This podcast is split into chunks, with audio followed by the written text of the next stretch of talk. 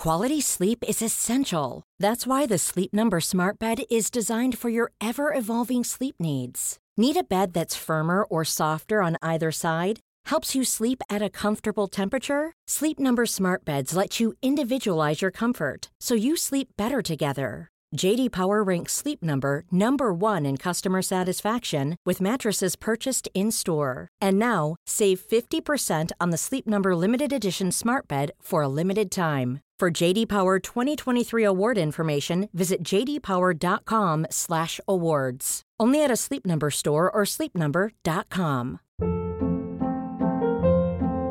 Hold up. What was that? Boring. No flavor. That was as bad as those leftovers you ate all week. Kiki Palmer here, and it's time to say hello to something fresh and guilt-free. Hello Fresh. Jazz up dinner with pecan-crusted chicken or garlic butter shrimp scampi. Now that's music to my mouth. Hello Fresh. Let's get this dinner party started. Discover all the delicious possibilities at hellofresh.com.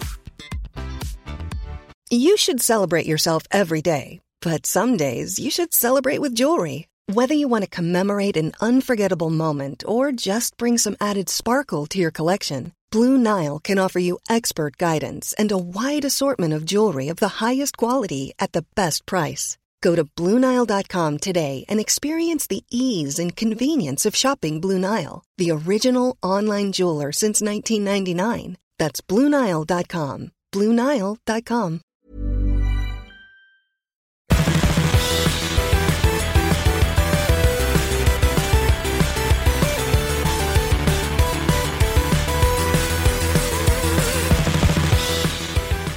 Nu kör vi. Vad bra.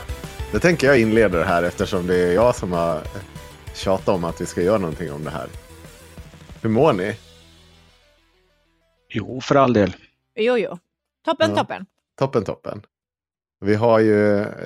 Axel, hur mår du? Varför sitter Ja, du bara flinar jättebra. Fredrik och Take. Ja, jag mår bra. Jag mår nästan alltid bra. Ja. Vet, vet, du, vet du hur jag kommer ihåg vad du heter, Take, förresten? Nej. Jo, för att jag tänker, alltid, jag, jag kan inte komma ihåg namn i vanliga fall, men du är ju skitenkelt. För det enda man säger går runt och tänker, "Han- tar anstöt. Ja, ja. Det är så jag alltid kommer ihåg ditt namn. Det är alltså Fredrik Sjödin och Take Anstot. Säger man så? Ja, så säger Ja. man. Är, är det Wow! Ja. Jag har sagt ett utländskt namn rätt. Det är nice. Äntligen hände det. Men det var ju, det var ju ingen sånt där... äh, Inget svartmuskigt namn. Nej. Oj. Nej, men du har rätt. Det var inte ett rasfrämmande namn heller. Nej. Det är bra. Det var ju german så att då, Ja, då kunde jag fortfarande hålla tungan efter munnen. För annars, jag har ju varit så mycket i Polen eh, sista veckorna, eh, sista halvåret. Eh, och där är det alltid frågan om någonting är ett namn eller ett wifi-lösenord. Mm, ja, mycket 3C och K efter varandra. Ja, okej. Den referensen tog inte jag, men okej. Det är för att du inte är så berest. Nej, Det är men, inte jobbet med polacker har jag. nej, det har jag inte. Eh, jag tänker så här. Eh, Fredrik, presentera dig. Ska jag berätta vad, jag, vad, vad ni gör här sen? Ja, jag heter Fredrik Sjödin och eh, jag eh, till vardags är håller jag på med elsäkerhet och installationsteknik på eh, arbetsgivarnas eh, branschorganisation för el och VVS-branschen, installatörsföretagen heter det. Så att jag är eh, en, dr- en dräng under, lakej under svenskt näringsliv kan man säga. Det är vi alla. kapitalet. Ja, det är vi alla. Och jag håller på eh, skriver lite trådar på Twitter ibland om el och energiteknik. Mm. Take, vad du Ja, presenterar då? hur ska man sammanfatta det där då? Jag har eh, i 15 år drivit ett företag kring energi och alltså eh, kring IoT och mest inom energi, eh, energiövervakning, energimonitorering och liknande. Eh, och jobbar mycket med att förvaka elsystem där och sånt. Ehm, sen så fick jag chansen att lära mig i en brant uppförsbacke ännu mer om el när jag var lyxhustru i Kenya i fyra år. Där min fru jobbade som guest senior lecturer och jag var liksom, eh, ja, jag kan inte sitta still så jag började pilla på alla möjliga minigrids där folk behövde hjälp. Um, och eh, då fick jag en väldigt brant uppförsbacke i all den där uh, elektromagnetism och andra elkurser som jag aldrig riktigt lyckades ta på universitetet. Uh, så. Um, och den vägen lärde jag mig den hårda vägen ännu mer om energisystem än jag kunde innan helt enkelt. Så att säga. Och ja, den vägen är det. Eh, jo, anledningen att vi sitter här alla fem idag, det är en artikel, eller eh, det är, ja, det är, vad ska man säga, det är en val, ett valreportage av SVT i Västmanland som fick mig att reagera. Det är inte egentligen bara det. Vi har ju pratat en hel del om eh, alternativa kraftkällor när har liksom diskussionen innan, inför valet har eh, hållit på. Och jag har väl sett och sagt att man kan visst eh, sätta in mer alternativa källor. Man behöver inte öppna ett nytt kärnkraftverk och hej och hå. Och man behöver bara vara smart hur man placerar ut det där över landet och man behöver klara överföringen så ska det liksom funka. Det har varit min take på det. Men framförallt det som fick mig att spåra ur var lite ett reportage då, då i SVT Västmanland. Tror jag det, ska se nu då. Jo, SVT Västmanland. Eh, om Annas elchock. Så jag tänker att vi börjar i den ändan. För jag har även gjort en liten intervju. Men jag ska spela upp eh, reportaget eh, Annas elchock. Och det här släpptes då 29 augusti i år. Och det går så här. Vad var din reaktion när du fick den här elräkningen? Wow! Det var min första reaktion. Det här är inte klokt. Vad har hänt? Det är något fel. Så började vi titta lite grann, men så såg vi ju att priset var ganska högt. Förbrukningen egentligen var väl detsamma som vi brukar ligga på. Men priset var ju avsevärt högre. Så det var ju därför den landade på så högt som 20 000. Och vad brukar det vara på ungefär annars? 6-7 under vinterhalvåret när det är som kallast. Vi valde att byta ut vår gamla luftvärmepump då och eh, tänkte det är inte så jättestor investering. Vi testar och ser. Och eh, den har ju blivit enormt bra måste jag väl säga. Tänker du något specifikt om elpriset i vinter, alltså den här vintern som kommer? Det handlar ju om, för oss i alla fall, eh, det är att försöka sänka förbrukningen. Det är det det handlar om. Vi kan ju inte påverka priset. Det går inte. Take och Fredrik, är det någonting ni reagerar på vad hon säger här? Jag kan väl säga spontant kan jag väl tycka att eh, hon verkar ha, dra väldigt mycket el i sitt hus. Ja. Om man säger så. Hon säger ju att normalförbrukningen, eller för normalkostnaden är 6-7 tusen. Mm. Det är helt sjukt, är det inte det? Ja, det är ganska mycket pengar. Det är typ vad... Alltså det är mycket pengar, men... Jag tror att jag betalade det på två år kanske, tre. Men alltså du bor i lägenhet, jag bor i lägenhet. Alltså om min elpris ligger på två kronor eller fem kronor eller sju kronor så är det liksom, det blir, blir en middag mindre på krogen. Det, det, det kvittar liksom på det sättet. Men bor du på landet, har du ett äldre hus, eh, då tickar det där iväg. Och vissa saker kan man isolera bort, vissa saker kan man effektivisera bort, men vissa saker kommer du aldrig ifrån i, i ett äldre hus. Och framförallt om man tittar på den gruppen som har köpt hus ganska långt från eh, det jag brukar kalla rimreson och redlighet för, för, för lite pengar för man inte har varit så kapitalstark men ändå haft drömmen till ett eget hus. Mm. Då är det ganska lätt att, att, man, att man, det man inte betalar i kapitalkostnader för huset och liknande får du tillbaka på elräkningen. Och eh, detta, detta nu innan du går för långt i ditt resonemang. Det här är ju såklart jätteintressant och jätteviktigt. Men Anna här står och säger att hon har normalt sett 6-7 tusen elräkning. Mm, på? Eh, normal, normal, ja, på vinter. Normalt sett under samma period har jag ungefär 2000 kronor i elräkning. Mm. Jag har ungefär lika stor villa som henne. Och ska tilläggas att jag har två delar i de uthusen mm. har varit uppvärmt med direktverkande el. Mm. Men ändå så har alltså jag en tredjedel av vad, vad hon normalt sett har. Då, då, tänker jag, det första jag reagerar på. Vad, vad i, har, du, har du kört med fönstren öppet och en eldkastare som uppvärmare? Men alltså, hon har väl gjort som den där bankdirektören, han som hade liksom 800 kubikmeter inglasat som han värmde upp. Ja. Och bara, nu är det lite dyrt, jag stänger av det här. Den här Anna säger också så här, säger hon till radion. För det här reportaget är nämligen öppet redan den 12 januari. I flera medier uh, som Anna skulle vara någon typ av relevant skräckexempel. Och då säger hon så här, jag är själv inte kunnig, men det finns en ledning för vårt land som ska se till att vi inte hamnar i problem. Och jag kan inte förstå hur de inte kunde förutse och motverka detta, säger Anna. Och jag, det, var, det var fler saker som i, fick mig att reagera. För att när man tittar på det här reportaget, nu ska ni alla få en bild. För Anna står nämligen i eh, sitt kök och pratar. Jag reagerar på ett par saker på den här bilden. Eh, Är det de du har ringat in i rött? det kan vara de jag har reagerat på. Ja. Och, eh, Vi kan väl konstatera att det inte är en Helsingegård från 1790 liksom. Nej, Nej. nej och det, det, det ser ut som de har lagt en hel del renovering på eh, ny köks, en sån här ganska dyr jävla köksfläkt och dyrt kök. Jag noterar att det står en champagneflaska Moet i bakgrunden. Vad kostar de på systemet? Inte, någon tusenlapp va? Ja, Eh, ganska på dyr priser. espressoapparat. Det, jag kollar bort mot ytterdörren. Det ser ut att vara ett ganska modernt larmsystem av något slag. På, Alltså jag dörren. reagerar nog på samma sak som Fredrik Ja. tror jag. Och det är fönstret. Ja, Mm. fönstret där står öppet också. Nej, det är inte det. Fönstret, Eller? nej, det är sommar så det kan vara öppet. Ja. Men kolla på fönstret. Det är ett hederligt treglas vakuumkassettfönster. Ja. Det där är bra. Det är liksom inte ett gammalt Ja. ett plus ett fönster. Nej, de har bytt ut det. Men jag, ska, jag, har, jag har varit så jävla nyfiken på det. Jag kunde liksom inte släppa. Varför, varför, liksom så här, varför ska en person med en normal elräkning på 6-7 tusen, det måste ju vara, den här måste ju ha hur hög förbrukning som helst. Försökte hitta någon information om den här personen. Jag, jag kunde ju se var de bodde någonstans. Så, och till slut jag bara, men jag ringer väl upp fanskap och frågar helt enkelt. Så det gjorde jag.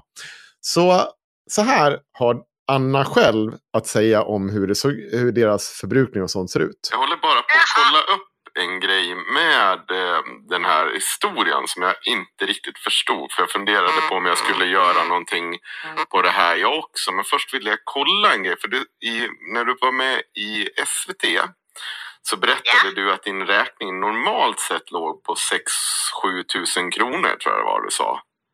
Ja, under vinterhalvåret, Under vinterhalvåret. När, det är, när, det, ja, när det är så extremt kallt ute. Ja. Ja, Är det per månad alltså? ja det är det. Eh, Då måste, jag måste ju Säga att om det... Vad du? Ja, Ja, men min fråga blev då att vad har ni för uppvärmning? Alltså är det direktverkande el då ni har på alltihopa? ja, ja Okej. det är direktverkande el och eh, vi har ett gammalt hus också som eh, givetvis inte all, alltid är jättetätt. På Nej. vissa ställen har vi upptäckt då med det här nu Ja. eh, genom att priserna har blivit så höga så har det blivit eh, att nu håller vi på och tätar och vi har ja, köpt luft, ny luftvärmepump och vi kanske ska, måste installera kanske till och med en till. Ja.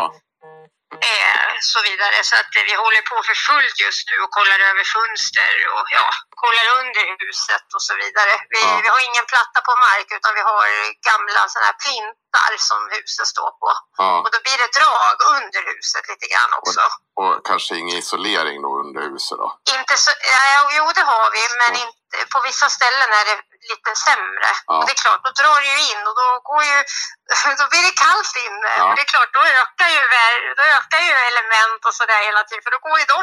Så att det blir lite en ond cirkel, men jag tror att får vi täta igen de här hålen och det så tror jag vi kommer få ner förbrukningen. Men vi ligger ju ändå på en årsförbrukning på ungefär, ja, säg 30 000 kilowatt i alla fall. 30 000, det är ganska mycket det. Det är ganska mycket och den vill vi få ner nu, Mm. eh, åtminstone mellan 20 och 25 helst. Ja, ja jag förstår. Ja, eh, det sista vi hörde då var ju att eh, eh, hon hade ingen isolering under huset. Eh, hon har inget, huset har inte varit isolerat och hon har en årsförbrukning på, vad var det, 30 000 kilowattimmar eller något sånt där. Alltså 30 000 är högt. Det är inte idiothögt. Var hon bor är det troligtvis högt. Men i SE4, alltså, alltså i Norrbotten eh, Västerbotten behöver det inte vara högt. Nej. Eller det på en. Nej. Men, men i hennes fall är det ju högt. Och sen har han väl kanske prioriterat vad man renoverar först.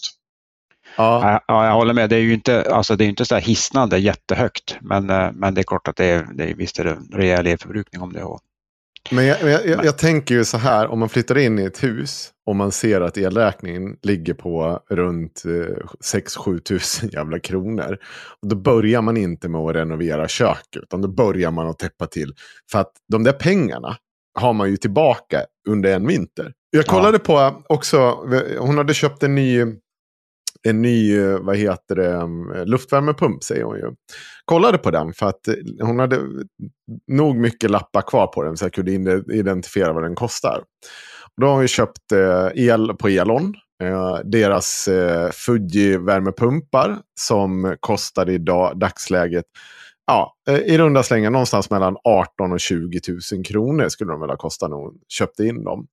Så att det, para finns ju. Det här är ju en person som bara inte har skött, liksom funderat över sin egen elförbrukning. Ja, ja, så är det ju. Samtidigt, Ja. och det kan man ju tycka vad man vill om och sådär. Eh, och det finns såklart den här typen av extrema exempel som man kan hänga ut och diskutera kring. Att byta till vattenburen värme är ju ganska snabbt en investering på 200-300 000. Men Mm. att isolera golv och tak hade ju varit kanske ett troligt första val. Mm. Eh, men vi har också många människor i Skåne, i Smålands högland som inte sitter på fjärrvärme, som har en helt ordinär elförbrukning på 15 20 000. Mm. Och de har också fått redan i januari räkningar som inte är från denna världen. Nej. Eh, jag kan säga så här att jag driver en restaurang Mm. och vi har en nätt liten elförbrukning på 140 000 kilowattimmar per år. Eh, och det är för att vi slängde ut gasolen som jag inte är säker på var, var en ett klokt val men det kändes rätt då. Vi har 125 ampere huvudsäkring. Whatever. Um, jag fick panik förra december, den 6 december. Och band elpriset till 59,50 i tre år. Den 8 december slutade i princip alla kommunala elbolag att erbjuda bundna priser till företag.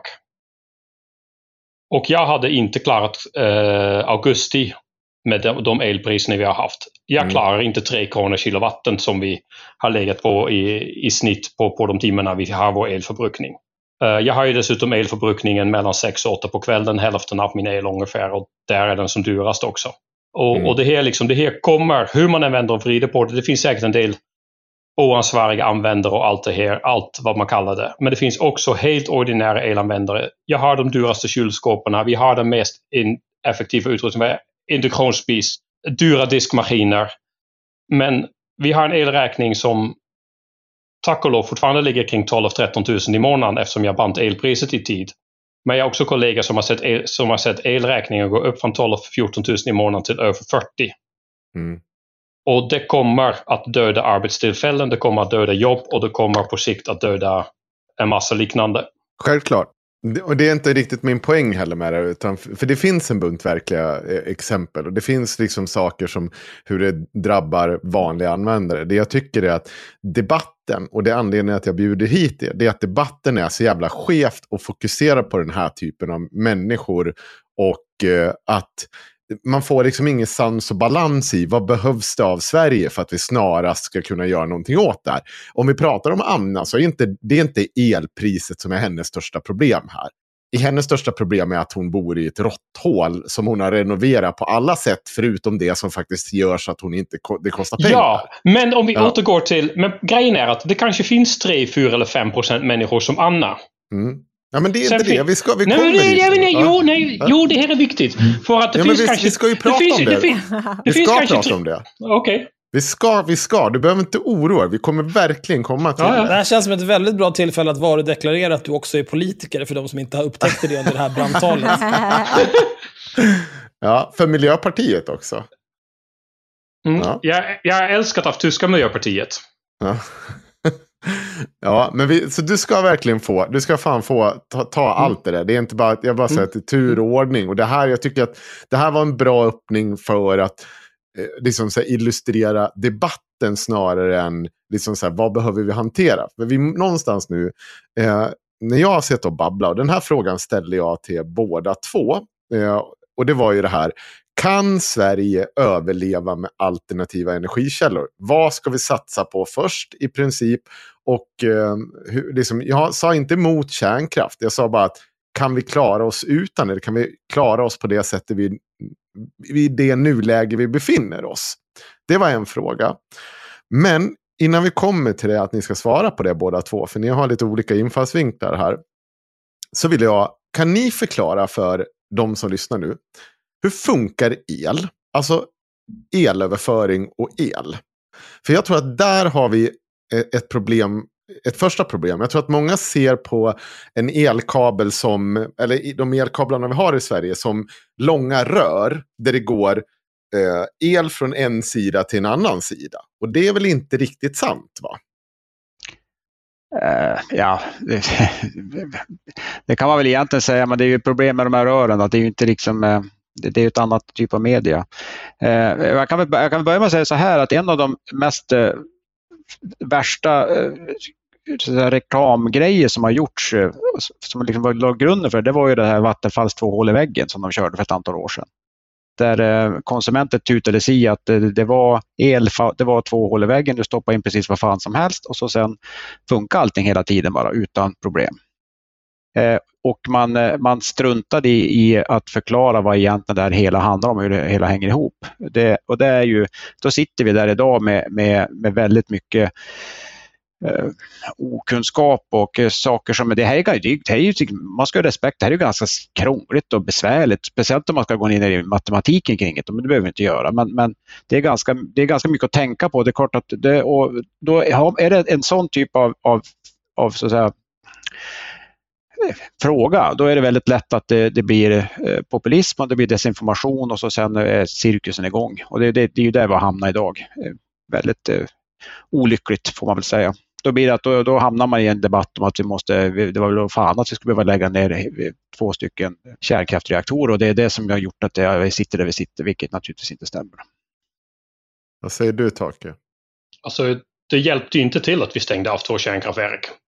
Så enkelt är det ju. Alltså vad vi har gjort i, i, i Västeuropa, och Tyskland är ju värre än vi är på ett sätt, men på ett annat sätt bättre än vi är, är att man har ju låtit Ryssland sätta elpriset i Europa tidigt genom att de dumpade gas. På ett sätt som gjorde att väldigt många andra, andra produktionssätt blev olönsamma, inklusive kärnkraften.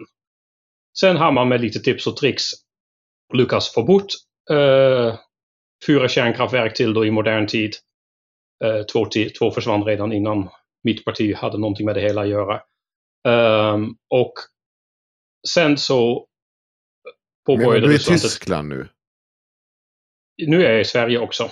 Ja, alltså, Sverige vi har ju inte två kärnkraftverk, vi har två stycken reaktorer menar du?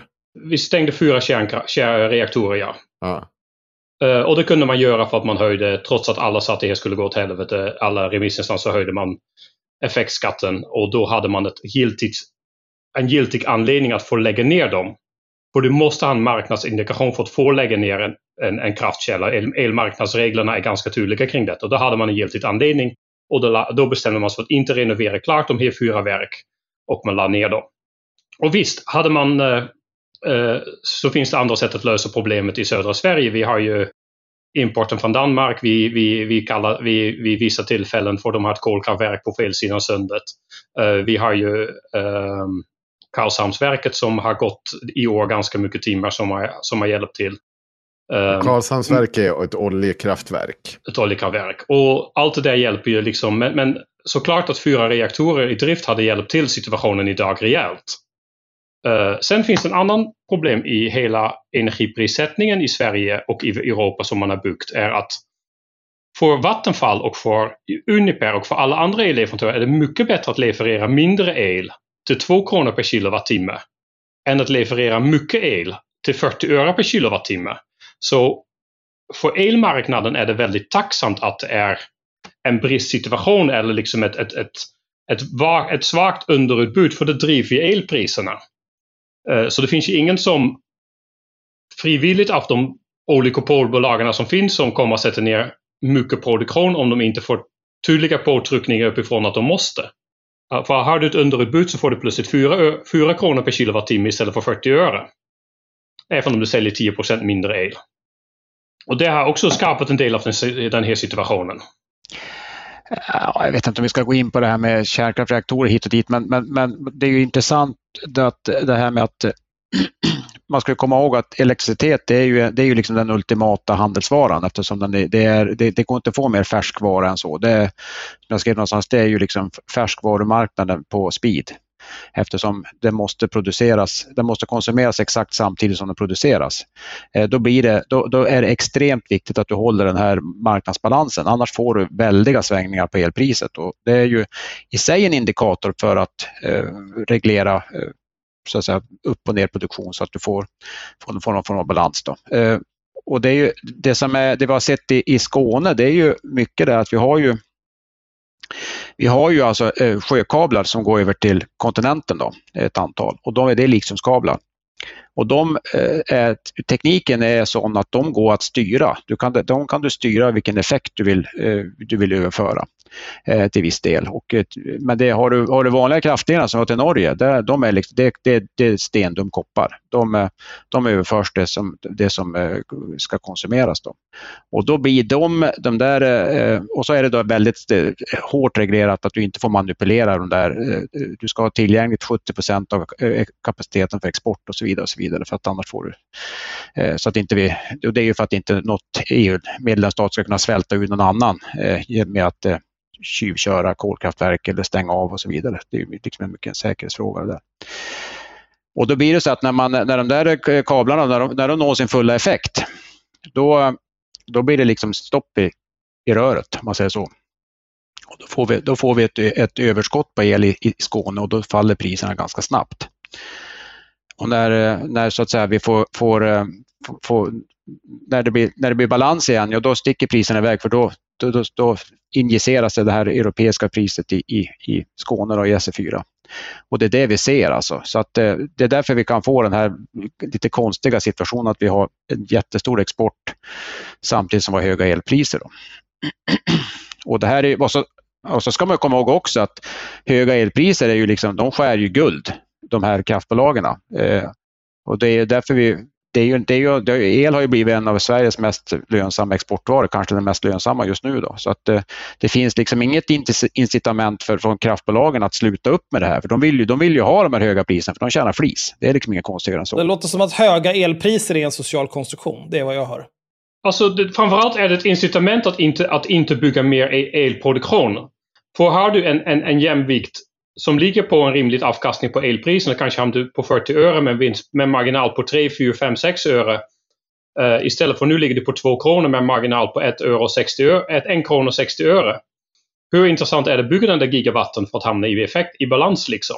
Nej, det finns inget. Det, då, det frågan är väl då kanske så här i Sverige 2022, är det rimligt att se på elektricitet som en vara som alla andra?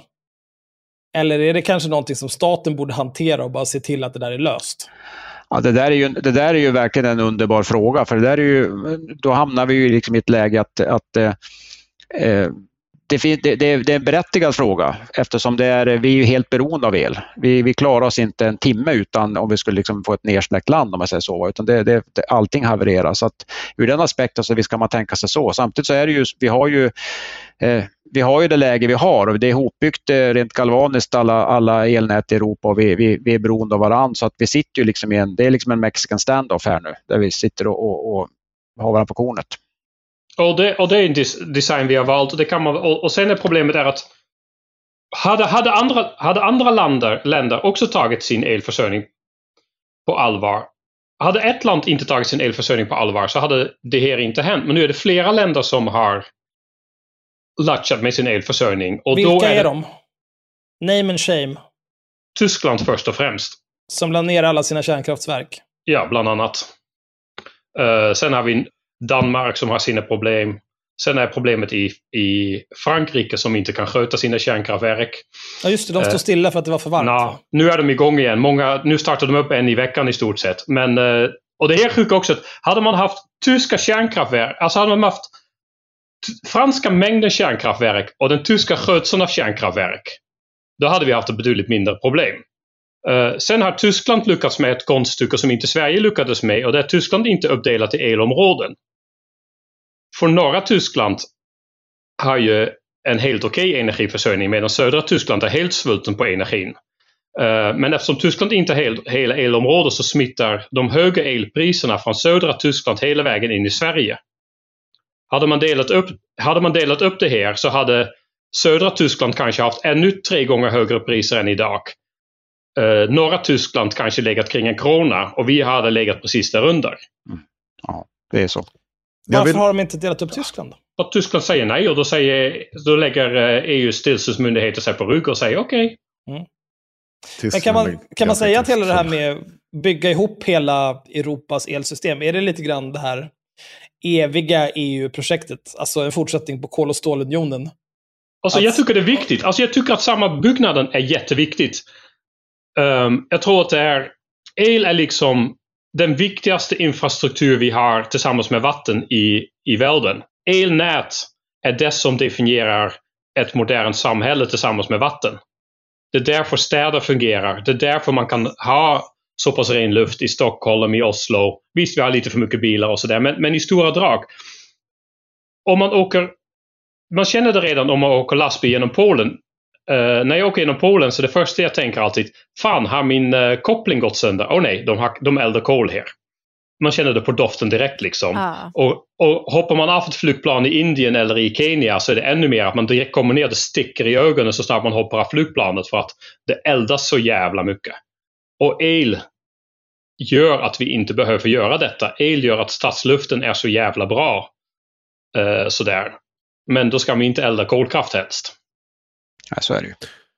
Jag vill ta er tillbaka ett par steg, för jag frågade faktiskt lite just om förklara det här med el och hur Sverige egentligen, hur strategin har sett ut. Och rätta mig, för nu tänker jag ställa en dum fråga eh, som jag bara hört eh, på sidospår. Det var nog inte någon av er som sa det till mig. Utan eh, om jag har förstått det rätt så har man tänkt Sverige som ett kors. Där uppe i norr så har vi eh, vad heter det, vattenenergi som står för försörjning. Och så i väst, öster och syd så har vi haft kärnkraftverk. Och för att kunna förflytta energi däremellan så har, vi, har det varit som ett kors. Då. För att grejen är ju, och det var det lite jag ville att ni skulle förklara, att el från punkt A till punkt B måste ha en motsvarighet på andra sidan. Och därför är det inte riktigt som en vattenkran. Nej, kan precis. ni förklara det ja. lite? Ja, det, så att ja. vanliga dödliga fattar. Och nu, Take, jag tittar på dig här. Nu får du tänka dumma ner den här skiten. För du var verkligen, du, när du skulle förklara det för mig så höll jag på att köra huvudet genom väggen. Och då är jag ändå så elektriker utbildad i grund och botten. Ja. Eh, jag kan börja lite grann. Eh, det är ju så här att när man, när man producerar el så gör man det, det är ju växelström som vi, som vi använder. Växelström är, en, det är väldigt, väldigt eh, tacksamt att producera. Det är billigt att göra det. Man använder enkla maskiner och det är otroligt driftsäkert.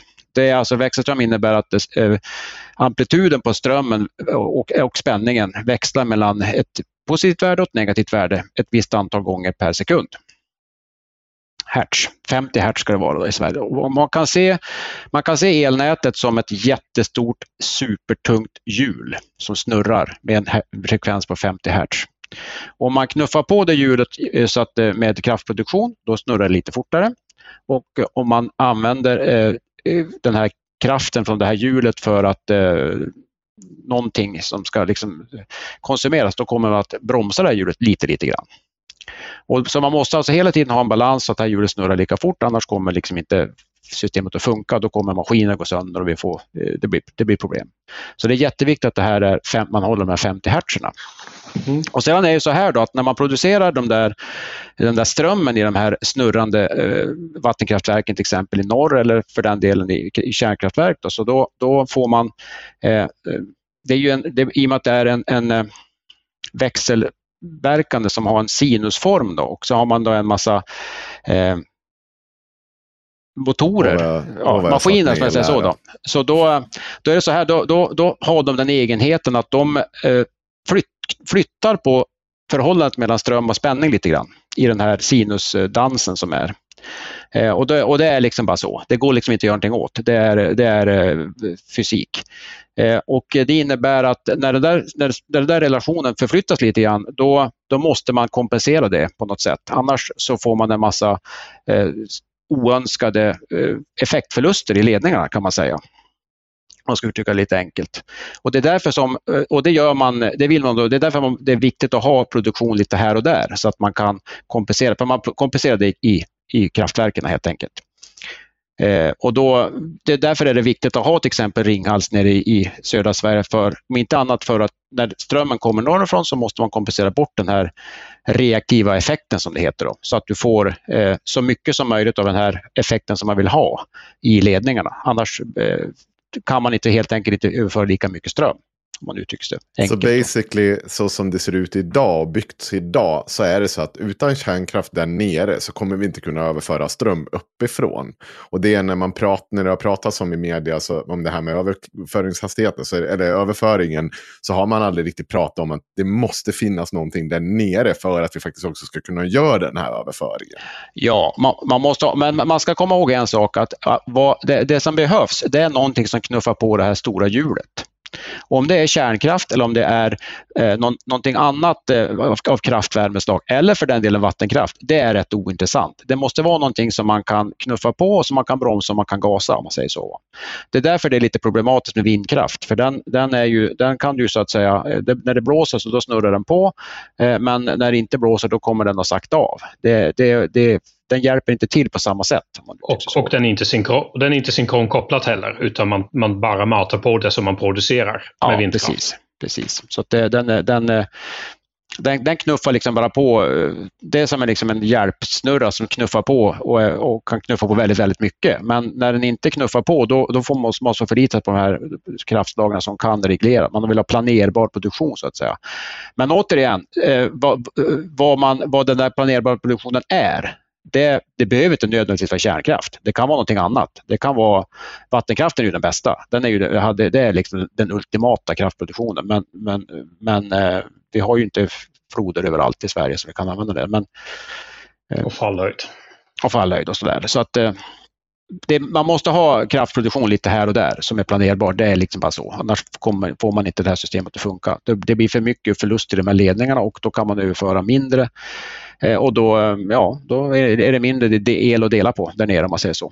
Och, och det är det som också är lite grejer med, med som man ser nu med eh, vet du, Karlshamnsverket. Att många beklagar sig över att den bränner 700 megawatt. Eller att man brukar bränna olja för att producera 700 megawatt el i den. Men de här 700 megawatt el som man producerar där gör också att man kan trycka ut ytterligare nästan en gigawatt eller 1000 ja. megawatt från norra Sverige till södra Sverige och på exporten. Mm. Så den, Så hjälper till, den hjälper till mer än dubbelt sin egen effekt i att göra tillgängligt överföringskapacitet också. Um, så även om oljan inte är bra så gör det ändå att vi kan få ut mer fossilfri el från norra Sverige till södra Sverige. Och att vi kan få därmed också mata mer fossilfri el ut i Tyskland. Mm. Så att folk som, börjar, ja, som säger att ja, den där bara, går bara på marknadssignal. Ja, hade den inte gått så hade vi fått ännu mindre transport till södra Sverige också. Och då hade istället Svenska kraftnät fått ropa av den på, på, eh, eh, för, för elstabiliseringsärende istället. Det där, det där, är ju en diskussion som vi inte riktigt vet vad... Det, den blir ju lite lätt akademisk för vi vet ju inte hur, hur det kunde ha blivit om jag säger så. Men det är ju, det är ju precis som Take säger att om du har... Du måste ha någonting som knuffar på det här hjulet. Om det, och det, vi har Karlshamn som är liksom står standby just för att kunna göra det. Och, eh, sen startar den när, det, när den får, eh, när den får eh, ett, eh, ett bud på, på handelsbörsen som gör att den, den får sälja el om man säger så. Eh, om inte det är eh, vinter och den startar på grund av att Svenska kraftnät beordrar igång den och, och på grund av att det helt enkelt den måste igång för att hålla systemet i, i balans. Då. Och då är vi inne på någonstans som var faktiskt min huvudfråga till er båda två. Kan man ha planerbar energi i Sverige utan att starta igång nya kärnkraftverk där nere? Och, och då, inte ersätta med olja såklart, för det tror jag in, inte är tanken här. Men går det att ha planerbar energi även i södra Sverige så att man får det här att funka? Det vill säga att slå upp en massa jävla solpar eller vad heter solparker, eh, vindsnurror, eh, tryck på om det finns något vatten och eh, gör där. Använd industrin för att kompensera, eh, som du pratade om Fredrik. Alltså går det att få planerbar energi i södra Sverige snabbare och billigare än att slå upp ett nytt kärnkraftverk. Det är väl egentligen... Det är minikärnkraftverken. Ja, vi... För... Alltså jag tror att, alltså, alltså, ja, det skulle kunna gå. Uh, men det blir ganska lätt en akademisk övning i things to do to avoid nuclear, som vi brukar säga. Alltså ja, det går att göra en massa magi som kommer också att kosta en massa pengar. Och vattenkraft är liksom helt utesluten för det som finns nere i södra Sverige, homeopatiska floder liksom. Uh, och det ska man också ha klart för sig att väldigt mycket vattenkraft i södra Sverige hjälper inte elnätet för den är precis som vindsnurrorna asynkron som vi säger kopplat till elnätet. De har ingen damm som man kan reglera i så vattnet kommer när den kommer. Och snurrorna är precis som vindsnurrorna kopplade så kallat asynkron så de kan inte trycka, bromsa, trycka utan de bara är en liten hjälpmotor. Så, och, och att bygga om dem till synkrona kraftverk är liksom bortkastade pengar för de producerar inget. Det finns ett sånt där uttryck som säger att eh, vattenkraftverken finns i söder och vattenkraften produceras i norr. Eh, det finns över 80 procent av alla vattenkraftverk finns i södra Sverige. Men 95 procent av all vattenkraftverk produceras från Dalälven och norrut. Fuck you! Nej, men vattenkraften är ju liksom färdigutbyggd på så vis. Sen är det ju så här också att det, det, är, ett, eh, det är så enormt mycket. Om, vi, om, vi, om man pratar om miljöprövningar, miljöbalken och sånt där, så, så är jag övertygad om att det skulle aldrig gå att bygga ut vattenkraften på det sätt som har gjorts i Sverige med den lagstiftning som vi har idag. Det finns inte planer i världen. Det skulle vara tvärnit. Eh, mm. så att det, och för, för, att det, det, är så, det är så otroligt, ja, det är väldigt mycket och en av anledningarna, alltså jag är ju fältbiolog från början en gång i tiden och fostrad i miljörörelsen och sådär. Och en av anledningarna att jag så småningom ändrat mig till att bli för kärnkraft, även om det kostade lite vänner och lite bekanta och goda sällskap och sådär, så var det att jag var medlem i Älvräddarna.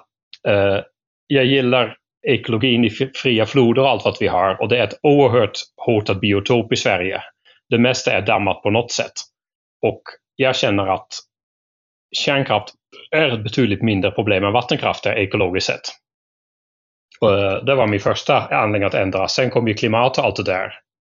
Men eh, ja. Ja, det finns, eh, vi, vi, kan, alltså vattenkraft är liksom helt uteslutet, det kommer aldrig att... Så att, men det, mm. den är, det vi har är den vi har om jag säger så. Den, är ju, den, den fyller väl sin funktion och den är, den är så just som reglerkraft är den ju oumbärlig om man säger så. så att, hur, hur ser uppdelningen på kraftproduktion ut i Sverige? Hur mycket står vattenkraften för? Ja, just nu står det väl, vad kan, det kanske du kan bättre, men det ligger på i alla fall en, mellan 55 och 60 procent. Runt. Så 30, kanske mellan 27 och 30 kärnkraft och så är det vindkraft resten. Då. Nej, vind, kärnkraft är större fortfarande. Uh, sen är den ju lite lägre nu för att det ligger lite nere, lite verk för underhåll och en som gick sönder. Och... Men, men, det där är ju också intressant att ta in, för man pratar om kärnkraft som planerbar hela tiden, men man, man, man planerar inte in att de ska gå sönder eller ligga ner. Alltså, jag liksom alltså, grejen så... är att, alltså grejen är att det fanns 12 kärnkraftverk av en väldigt god anledning. För även om det är planerbar kraft så finns det delvis planerat underhåll och delvis finns det oplanerade haverier. Men vindkraft, det finns en ganska stor chans att om vindkraften står stilla i Malmö på grund av att det inte är någon vind, så blåser den inte heller i Småland. Eller längs Norrlandskusten. Medan ett kärnkraftverks haveri är helt orelaterat till andra kärnkraftverk stillestånd så att säga på det sättet. Det finns ingen korrelation varför något skulle gå sönder. Så därför hade man 12 stycken. Så att något kunde vara 12, sönder. 12 reaktorer vill jag 12 reaktorer, ja. ja. Alltså jag är lite... Mm. På, holländ, på holländska säger man verk för varje ja. block så att säga. Så jag, har svår, jag vet att jag behöver ändra det, men jag har inte lyckats med det. Och, uh, men så. vet du vad, jag vill fan stoppa dig där. För det där, när du säger det här med att det, inte, det är sannolikt att det inte blåser över hela Sverige. Jag kollade upp den statistik mm. som fanns att finna om det. Och det, mm. jag kan inte hitta Visst finns det tillfällen när det stannar av samtidigt. Men inte i den utsträckning att det inte skulle, liksom med en ordentligt utspridd vindkraft så står det inte still samtidigt. Det är jo. extremt sällan det sker. Det är, ex, det är extremt ovanligt att du, alltså du, du kan ha aha lokala stormar, det är en sak. Men det är extremt ovanligt att du har en 30 eller 40 procents kraftutnyttjande över hela landet samtidigt om det redan ligger stilla på ett ställe.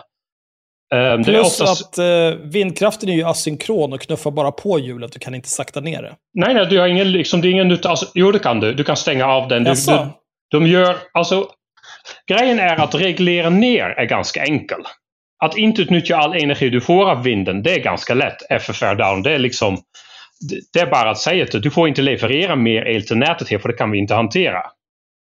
Men du kan inte reglera upp det, för det finns inte mer energi i vinden än den du försöker ta ut. Du kan inte bestämma det. Ja, det blåser inte men jag behöver ändå lite vindkraft så jag plockar ut lite i alla fall. Det finns ju inte. Men ner är inget problem.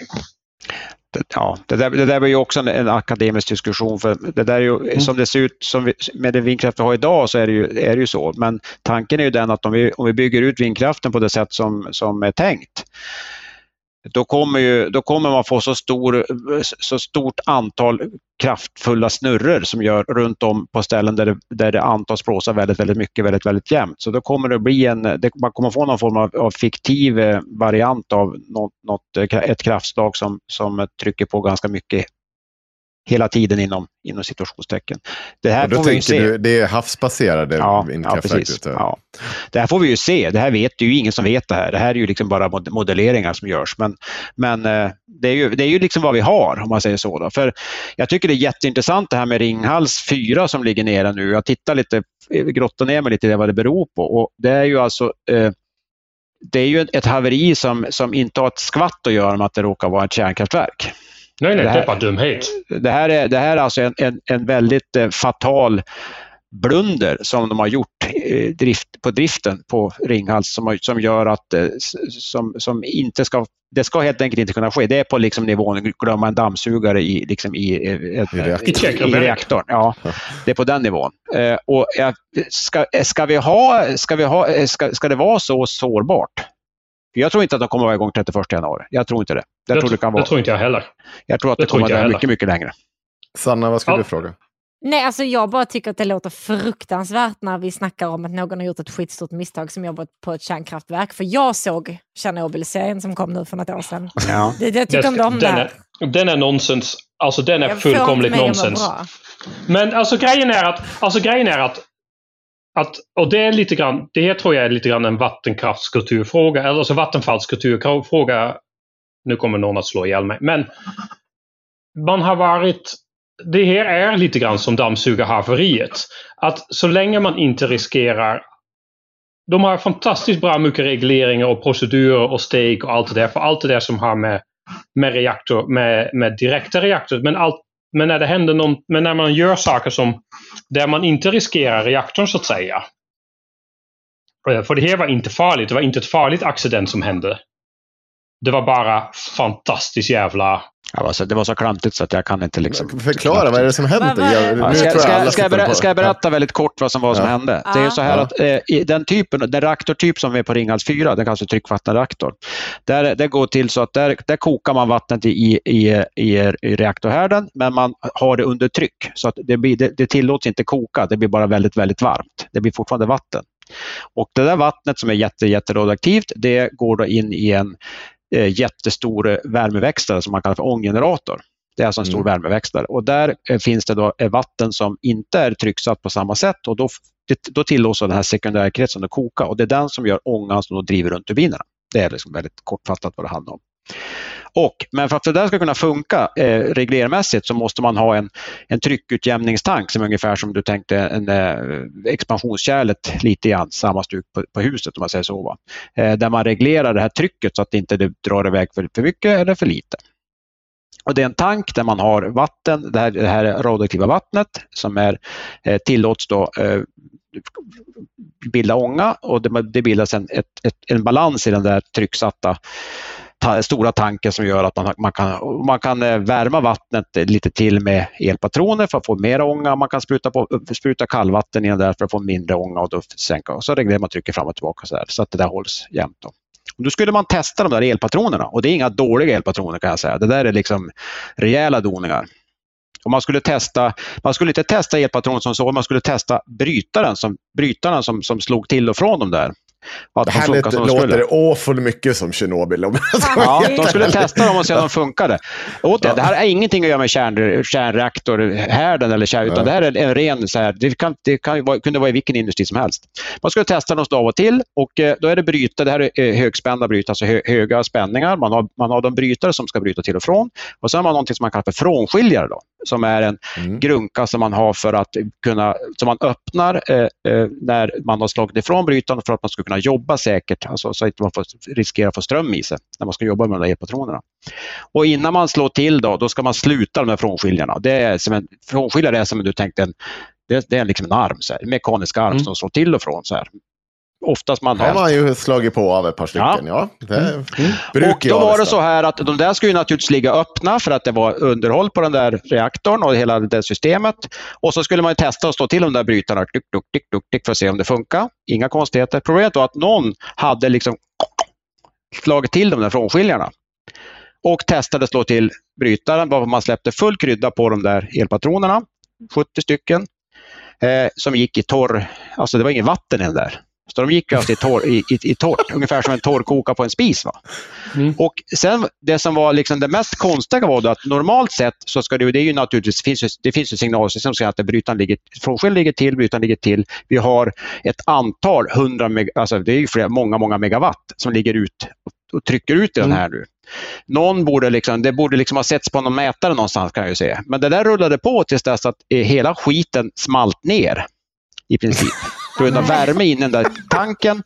Och eh, det, det, förmodligen var det någon med, med, det, det droppade ner så att det tog i själva reaktortanken då man fick ett jordfel. Alltså det larmade för ett jordfel. Och då alltså såg man inte, det- inte reaktortanken, expansionstanken. Nej, utan, ja. precis, tyckjämnestanken. Då. Och eh, då såg man att vad fan, det är ett jordfel här, det ska det inte bli. Vi måste kolla vad det är. Och så gick det några minuter till, man felsökte och konstaterade att vad fan, det är ju, någon har slagit till, det är ju ström ut på den där. Då stod man ifrån det där. Och så var ju, då var ju liksom hela skiten, det var ju bara en enda, det jag kan tänka mig, det är ju bara en enda stor jävla metallklump som har smält ihop i den där. Och Ja. dessutom problemet med, med, med, med tanken, det är att det, i och med att det är primärkretsen så är allting ra- radioaktivt. Det är ju liksom, det, det är inte bara liksom att ta dit en, en ställningsbyggarfirma som man gör i en, i en sodapanna på ett pappersbruk och ta dit en ställningsbyggarfirma och bara, liksom bara på riva, liksom, bara fram med, med skärbrännare och, och vinkelslip. Utan där är ju så här, de, de måste alltså bygga en exakt kopia av den där tryckutjämningstanken som är specialbyggd. På plats bredvid, öva på den, hur de ska göra som.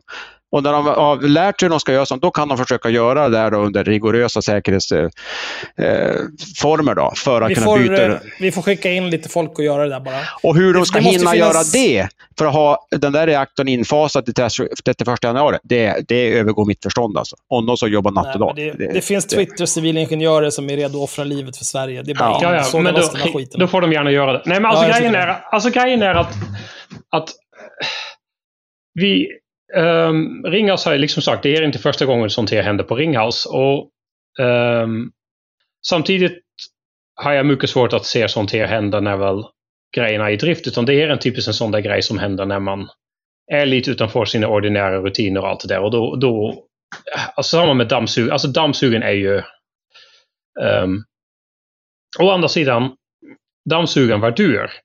Uh, eh, det var väl en miljard eller något sånt där. Eh, och det betyder att det, det kostade Ringhals för tre månaders drifttid för att tjäna ihop de pengarna.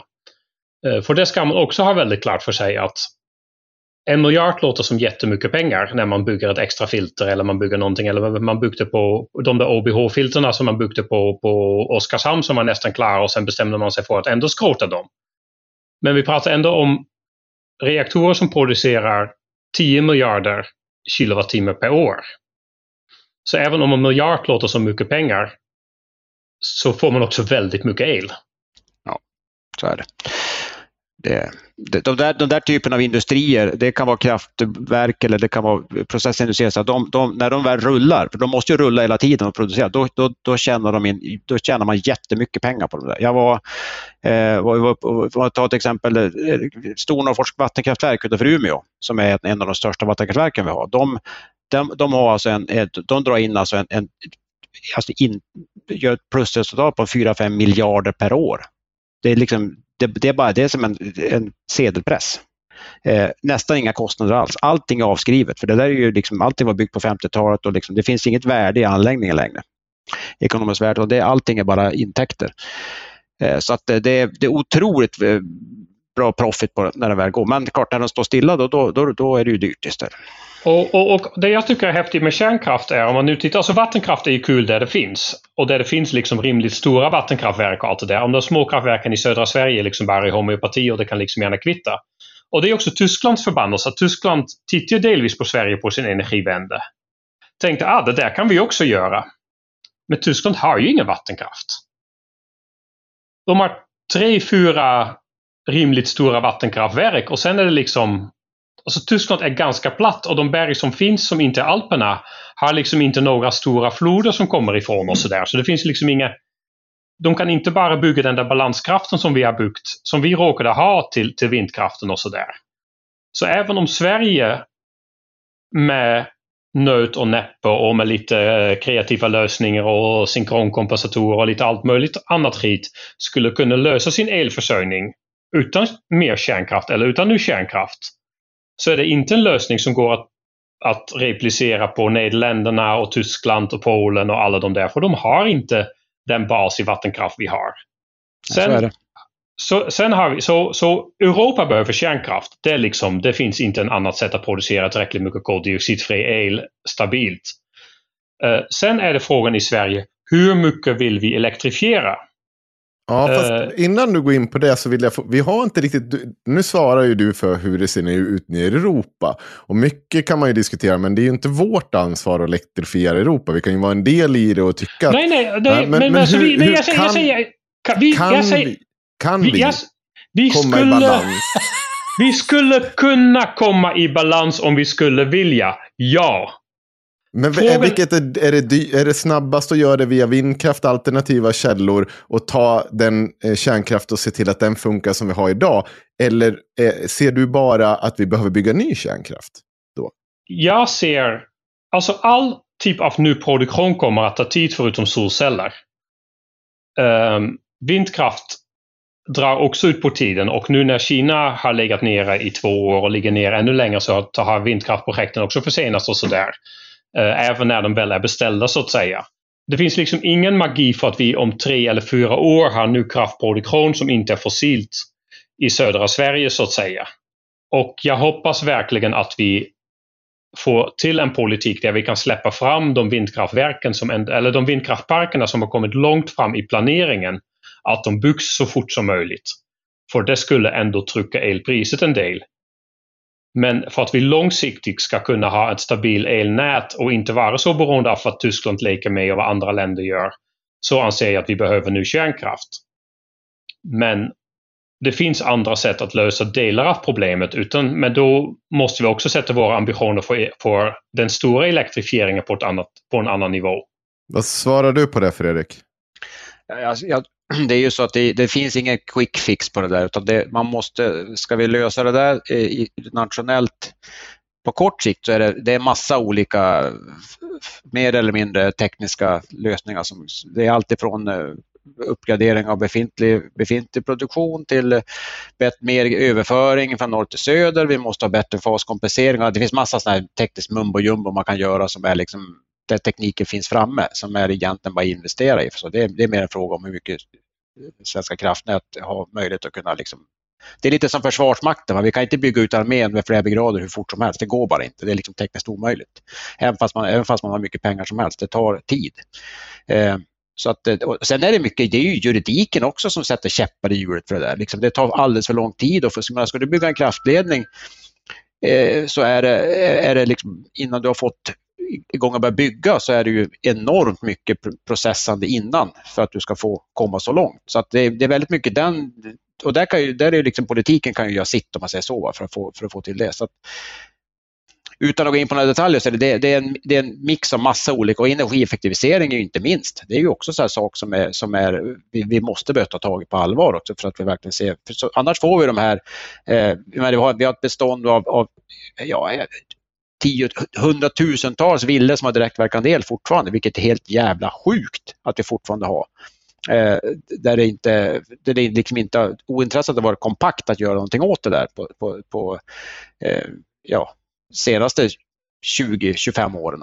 Eh, så att eh, det finns mycket, så här, men det är, inte, det, det är inga saker som du vinner några val på om man säger så. Nej, och sen är det också att som i, södra Sverige är fortfarande västsvenska gasnätet som trycker in en 3 terawattimmar i fossilgas varje år. Men de industrierna där som vill elektrifiera kan inte göra det idag för de kommer inte att få större elanslutningar. Det, ja, vi jobbar med en kund som har en ganska stor gasanslutning och de har försökt uppsäkra med, med 600 ampere till och det har legat i tre år nu. Det får de inte.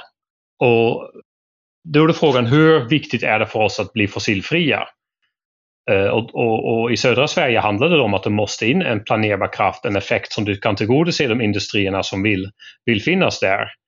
Uh, det finns en annat problem med det här med de höga elpriserna också. Vi ser redan att olika industrier i södra Sverige, SE3, SE4, har skickat hem anställda i omgångar nu för att elpriserna varit för höga för att producera. Och gör man det här allt för beroende av vindkraft, då kommer man till den härliga grejen att, att, att industribolagen kommer att kräva att facken att man får schemalägga efter väderprognosen. Och vill vi se ett sådant samhälle? Nej tack.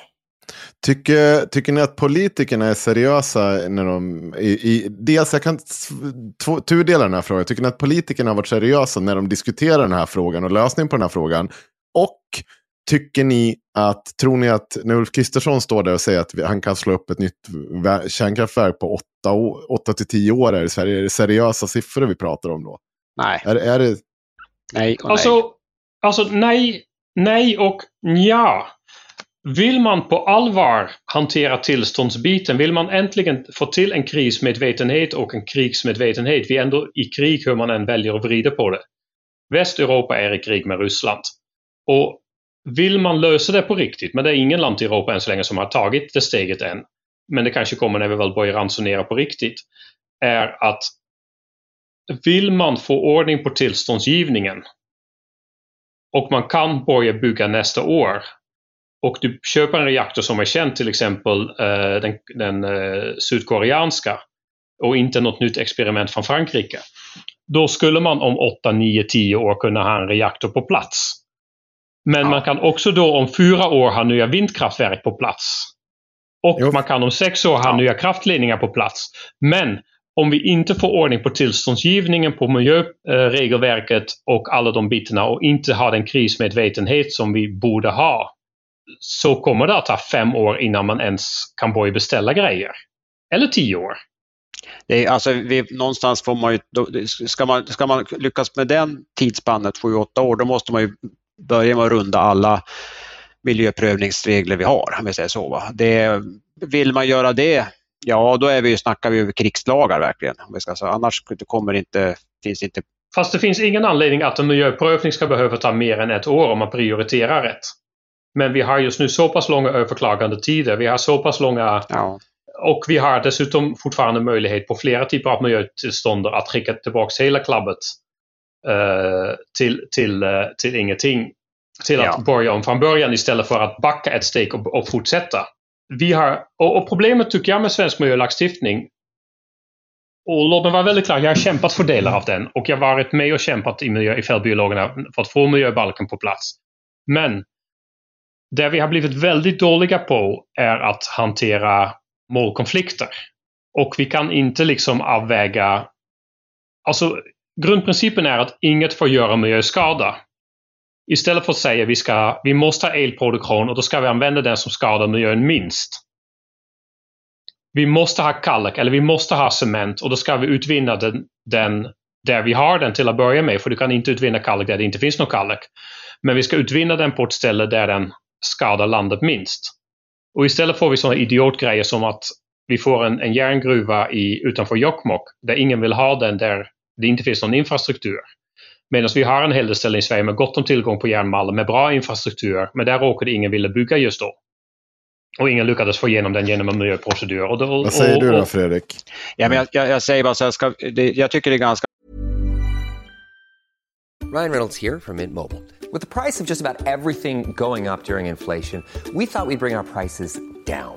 So to help us, we brought in a reverse auctioneer, which is apparently a thing. Mint Mobile unlimited premium wireless. Ready to get 30, 30, bit to get 30, bit to get 20, 20, 20, bit to get 20, 20, bit to get 15, 15, 15, 15 just 15 bucks a month. So, Give it a try at mintmobile.com/switch. slash $45 up front for 3 months plus taxes and fees. Promo for new customers for limited time. Unlimited more than 40 gigabytes per month slows. Full terms at mintmobile.com. When you're ready to pop the question, the last thing you want to do is second guess the ring.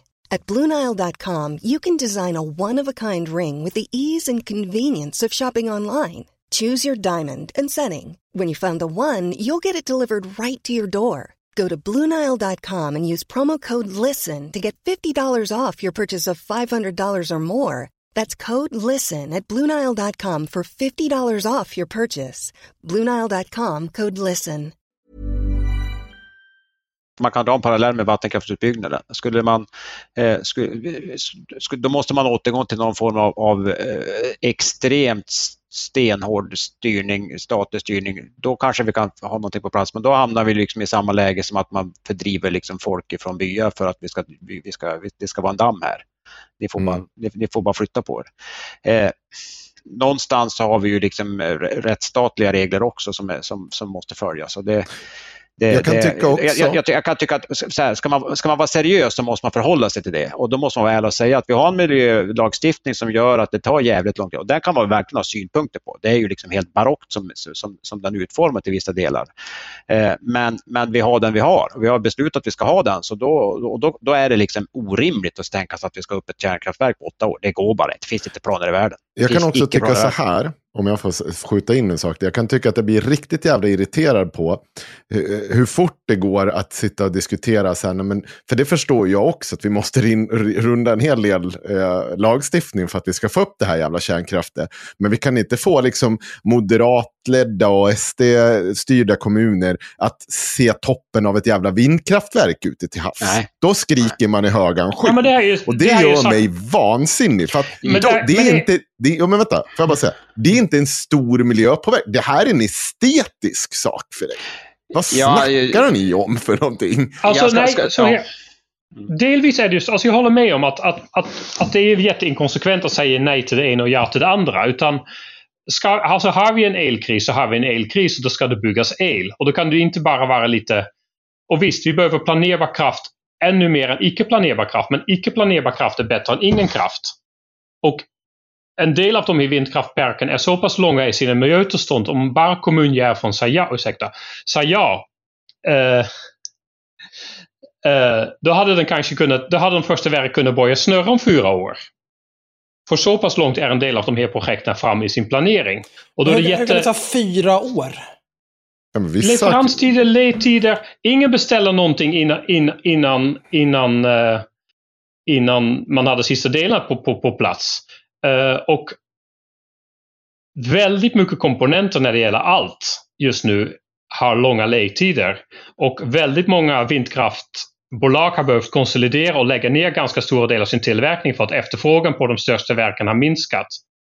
Uh, både Siemens Gamesa och General Electrics vindkraftverk har drabbats av stora förluster de senaste åren.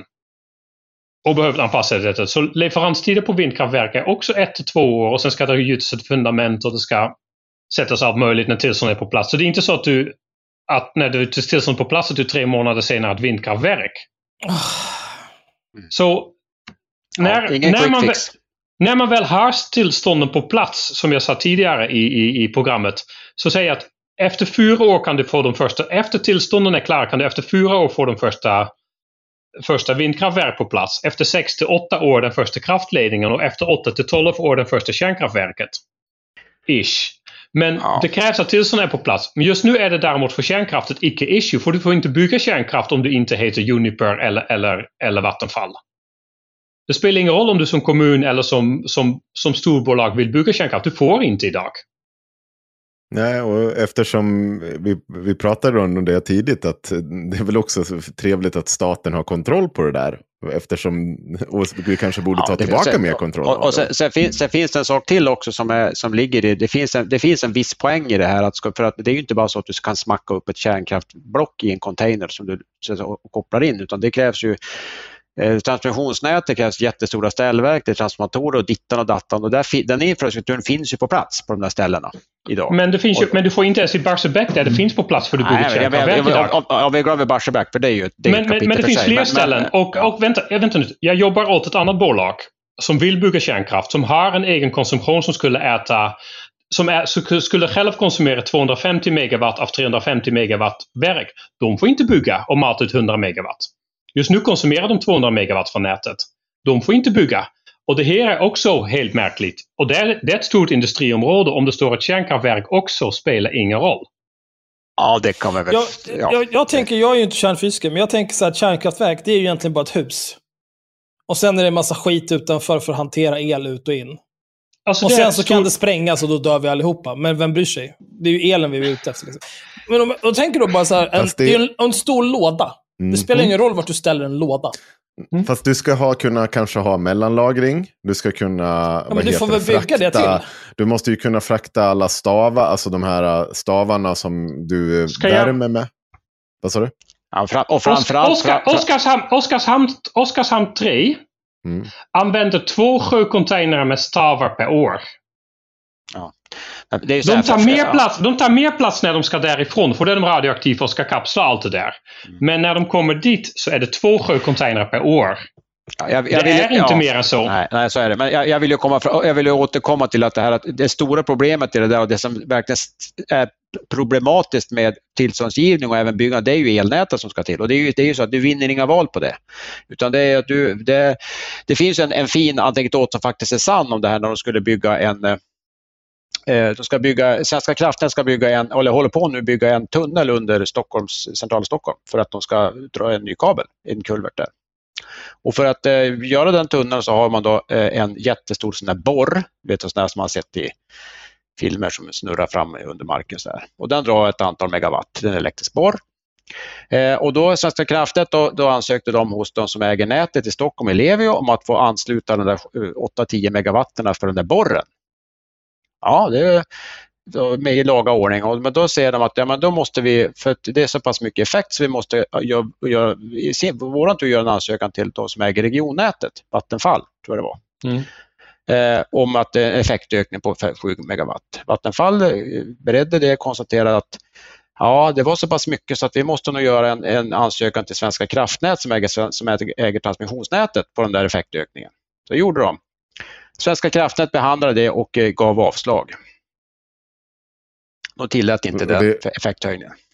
Perfekt. Eh, Så, så, att det här, så, så, så knasigt är liksom uppbyggnaden och det är inte konstigt att saker och ting tar tid när det är den typen av, av Men eh, det, det låter som att... chain of command om man säger så. Jag, jag har ju blivit såld, du har ju blivit insåld till mig här Fredrik som en kärnkraftsmotståndare. Men det känns inte som att du är en kärnkraftsmotståndare, det känns som att du är en, en byråkratimotståndare. Ja, det här, jag, jag, jag har försökt att förklara, jag vet inte hur många gånger på Twitter, att det, jag, jag har ju fått den epitetet, jag är emot kärnkraft, men jag, jag, jag, när jag var ung och gymnasist och medlem i MUF så gjorde jag gjorde inget annat än skrev glödande insändare i ortstidningen Örnsköldsvik om, om att pro-kärnkraft. Jag tycker Ett fortfarande att, kärnkraftverk i varje hem. Ja, precis. Nej, men jag tycker fortfarande, och det står jag för, eh, det kommer jag stå alltid stå för, att nedläggningen av Barsebäck det är en av de mest katastrofala, och kanske, eller det är det mest katastrofala industribeslut, eller politiska beslut vi har tagit. Det får vi, det, det, vi, vi lider av det idag. Vad tyckte vi- du om nedläggningen av Barsebäck när det begav sig Take? Så jag var ju fortfarande emot kärnkraft på den tiden. Ehm, och skäms hårt för att jag hejade. ja. Ehm, nej men alltså på allvar. Alltså, ehm, jag var ju en gång, och det här var en av de första grejerna där jag började ifrågasätta lite grann eh, vad vi håller på med i antikärnkraftsrörelsen. Jag var en gång i tiden och protesterade mot kärnkraft framför eh, kärnkraftverk Lingen i Tyskland. Och i Tyskland har man ganska stora folkliga rörelser. Det kommer ett soppkök och det är eh, musikband. Och det är liksom, alltså protester i Tyskland är liksom, det är något utav, ja, något annorlunda helt enkelt. Det är ett folkfest. Um, det vi visade sig sen att vi stod och protesterade framför det kärnkraftverket som redan hade stängts tio år senare och inte för det nya som låg en och en halv kilometer längre bort som var i drift. Det förklarade varför det bara fanns en förvirrad vakt där som undrade vad vi gjorde där. Um, sen gjorde vi om det här några år senare framför rätt kärnkraftverk. Uh, så. Men det var redan där jag började tänka, fan har vi så dålig koll på vad vi gör? Men i alla fall. Jag ser också att, att alltså, södra Sveriges Barsebäcksnedläggning är ju ett stort problem och där finns ju dessutom redan ett kraftnät. Um, dessutom finns den stora fördel, eller dess, men nackdelen är att uh, området ägs av ett uh, bolag som vi inte kan styra lika hårt som ett annat bolag som vi har i Sverige. Uh, så, men men alltså om man nu pratar om det som, om vi pratar nu kärnkraft, det som skulle gå allra, allra snabbast är att bygga något nytt på Barsebäck. Och Man jämnar den gamla byggnaden med marken och bygger nytt eller? du kan bygga utanför, det finns plats kvar. Alltså en gång, det finns ju en reserverad plats för en Barsebäck 3 liksom. Så, och parkeringen finns, alltså det går att bygga ett kärnkraftverk till, det, det är inget problem. Och de andra håller på att jämnas med marknaden, med markna, marken. Så, så det går ju att bygga, bygga där liksom om man, om man verkligen skulle vilja. Och om man pratar anslutning, om man pratar välvalt plats så är ju Barsebäck inte en, ett dumt ställe.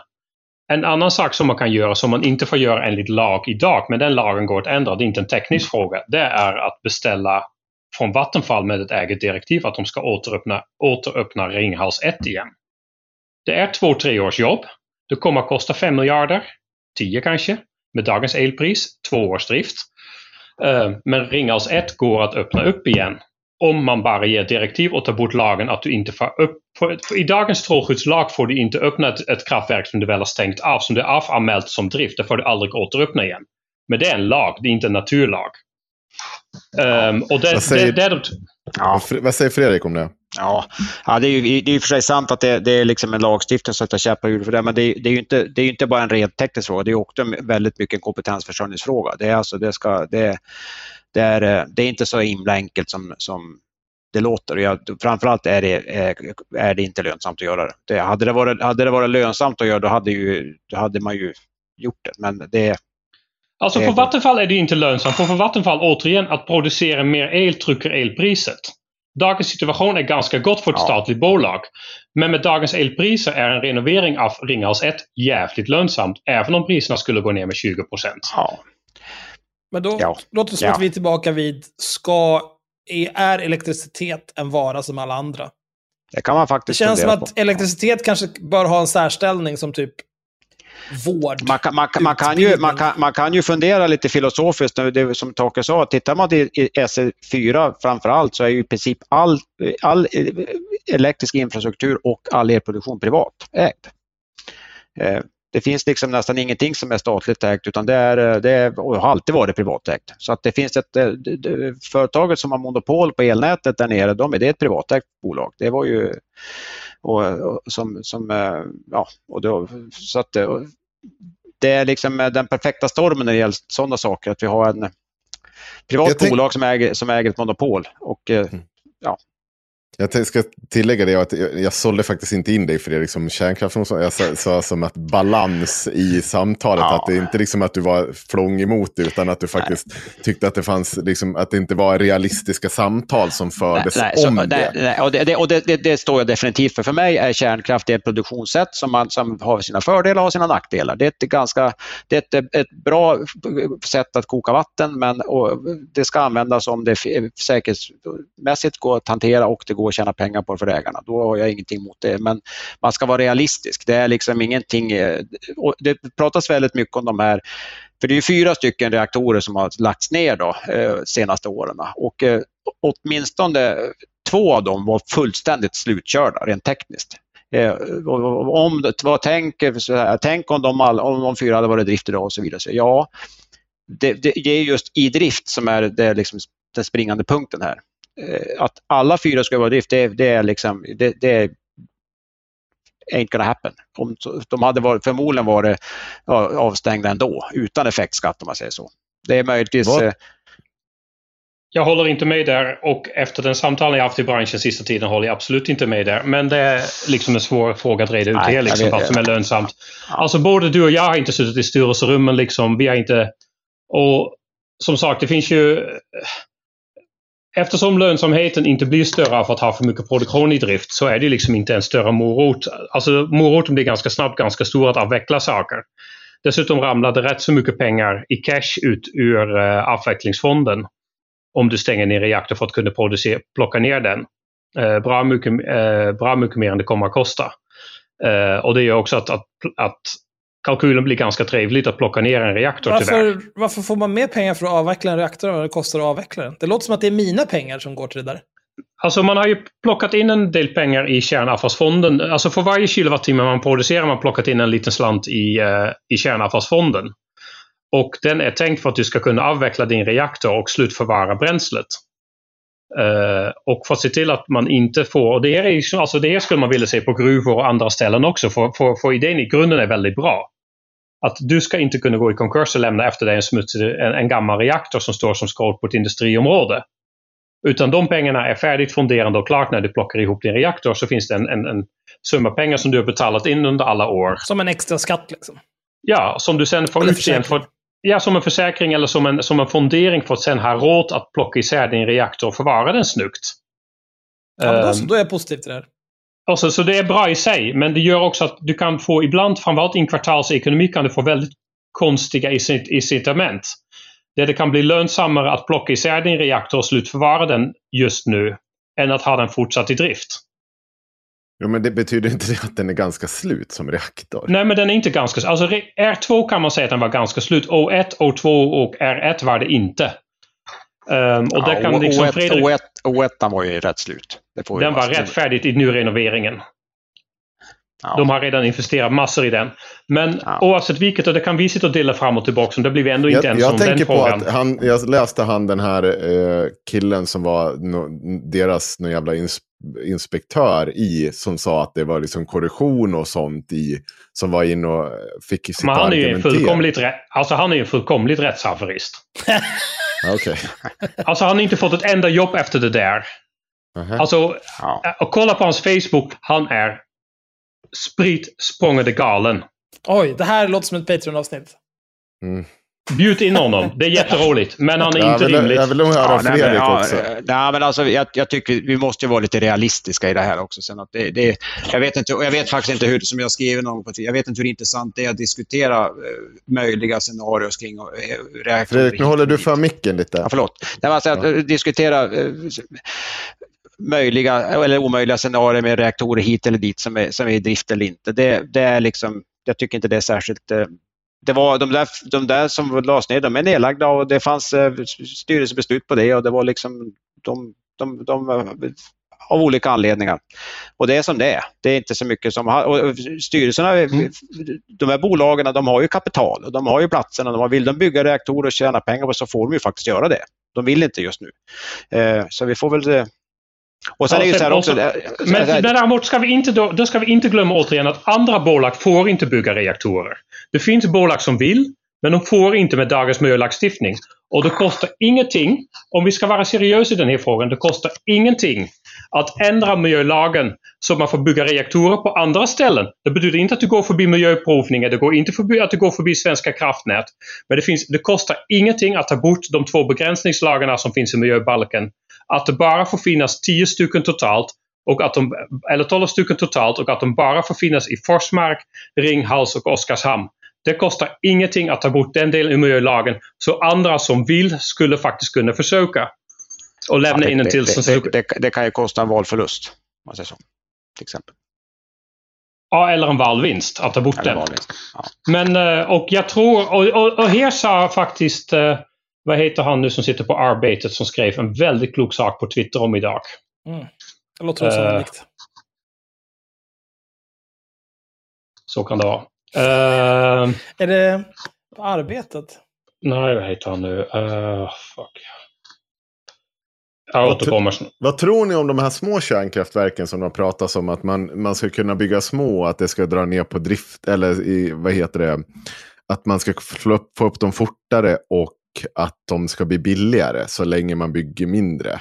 Ja, jag, jag vill bara, det, återigen, det är väl ja. en sak att du kan, du kan frakta dit en, en, ett SMR och sätta, bygga en betongplatta och sätta dit, men du måste ju ha dit ett elnät. Det är ju det liksom mm. grejen. Och det är, de, de tillståndsprocesserna är ju som de är.